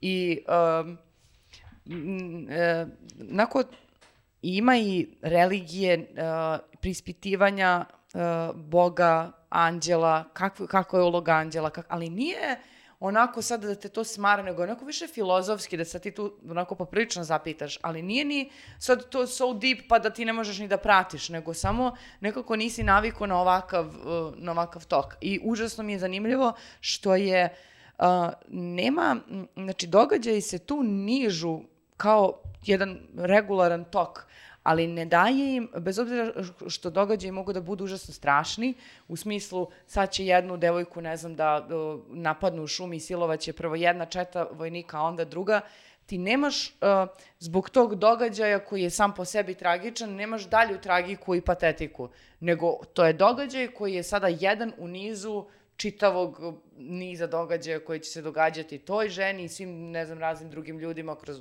prizmu od 100 A jel godina. ti na osnovu tih priča iz različitih uglova ti sklo- sklopiš neku celinu, Tako je. neku nit? Tako je, i ti sklopiš e, sliku čitave jedne generacije, jednog doba, jednog mesta i prirode i, i svega. I, kažem, e, vrlo je zanimljivo, nikad nisam čitala ovako nešto, ovo je inače knjiga koju kao je e, lektira za srednju školu, ja sam u fazonu, vo, Kod nas? E, U Poljskoj kažu da je, mm, da je obavezna srednjoškolska lektira. A, ja, m, meni nije baš bila tako lagana da je, s- prvo da, da čitam ovako nešto i da razumem sve odmah. Trebalo mi je vreme da se prešaltam. Kao i tako, svaka lektira. Tako da svaka čast ako deca ovo kapiraju Ja moram tako da kažem, ja sam sad pre- do pre par dana bio u Poljskoj, bio sam tamo par dana, trčao sam maraton, jedan od utisaka iz Poljske je da ljudi stvarno mnogo čitaju. Mm. Da po kafićima, baštama, po parkovima stvarno često sam sretao ljude i različitih godina i mlade ljude i to sama žena, sam muškarac sa knjigom i ono što je ono čudno, baš sam proveravao, Poljska ima tipa 18 Nobelovaca, ali recimo da imaju pet ili šest e, Nobelovaca iz oblasti književnosti. Pa, Tako da očigledno zajedno Ili- imaju vrlo neguju tradiciju i pisanja i čitanja. I nekako je zanimljivo zato što, znaš, e, u jednom trenutku pomisliš što je bajka, u stvari nije bajka, to je kao, m, to su neki realni ljudi, samo na drugačiji način. Životna bajka. Pa da, ali nekako na drugačiji način se piše o njima, nisu njihove sudbine sada nešto, um, ne da kažem specijalne, nego e, e, ne, neumitno je to kako vreme prolazi i samo me, melje sve to i tako i te ljude. I onda način na koji ona te sudbine zapravo obrađuje je kao i vreme, ono, samo... Da, zvuči baš zanimljivo, mislim, Zvuči vrlo, za- vrlo čudno. je- Baš Da, zlo- jako je Teško čudno. se prepriča, baš je onako u startu kad skrenula pričaš kao šta, šta Da, je to. ja se a- nadam da sam uspela malo da vam dočaram, jer zaista jeste mi teško da, e, d- d- da prepričam uh, Da, cijelu ali tu priču. mislim, zvuči intrigantno. Da. Kažem iz perspektive mikrofona. Se sad i ovo malo meni sveti. E, le- Ostalo samo i Viktor. Lepo je, zakru- lepo je zakružio celinu. Jeste, jeste. Ne, stvarno zvuči Možemo da ovo odjevamo dok mi odjavljamo, može ne da malo još neku epizodu prepriča onog dokumentarca. A, imate bonus video gde pričam drugu sezonu celu. Zakaži event, brate, da bude neki... Ne, ne, verujte mi, znači ništa. to je bilo sve za ovaj podcast. Nadajmo se da, da ste uživali, koliko smo mi uživali praveći Koliko ovaj... trajalo? Nadam se da ste doživjeli više nego smo mi uživali. Šest sati. Ovo je... Tri. Ne možemo svaki put kažemo da je najduži podcast, svaki je dugačak. Uvek traje tri. Jeste, svaki je dugačak, svaki je mučan, takav to je je život. neko pravilo. Ne, ne, ja sad... Ovo je ne, najteži posao na svetu. Ne, ne mislim da je najteže posao, nego imam utisak da stvarno nekako prvi put sam se pom- od kad snimamo pomirila i kao sad ovo traje, ali imam osjećaj da je pet sati otprilike. Ljudi nisu stvoreni za ovo, da pričaju tri sata o nečemu. Mi pomeramo granice sve vreme. Da, zato što pri kraju... tako Neko se rodi tako za Ali ne, podcast. tako su ljudi u trčanju pomerali granici u sportovima i sve, mi pomeramo granicu u sedenju Jeste, ovo je neki podcast maraton. I ne samo uh, uh, sedanju i pričanju, nego sedanju i slušanju. Jer mi moramo da slušamo jedni druge da bi To ovo Šta dobro. kažeš? To je najgori deo. E, pošaljite nam i vaše komentare, ovaj komentare, bože, preporuke u komentarima za e, knjige, serije i ostale stvari, e, a mi ćemo sve to ono, probati da, da pogledamo. Nemoj ja da volim. Ma sve ćemo Ne, da probat ćemo, Ne, probat ćemo. ja pogledamo, Da, da, ja isto mene pogledam samo ovo. č- smešno kad se ljudi onako malo uvrede što ti nešto preporuče, pa ti o tome nisi pričao. Ne možemo da postignemo da pogledamo baš sve i da preslušamo i pročitamo sve, ali ja bacim pogled na sve komentari i našao sam neke zanimljive preporuke. E, Tako da, eto, to, to bi bilo to od nas za, za ovu nedelju. Vidimo se za, za dve nedelje sa nekim novim predlozima. Ćao. Ćao. Ćao!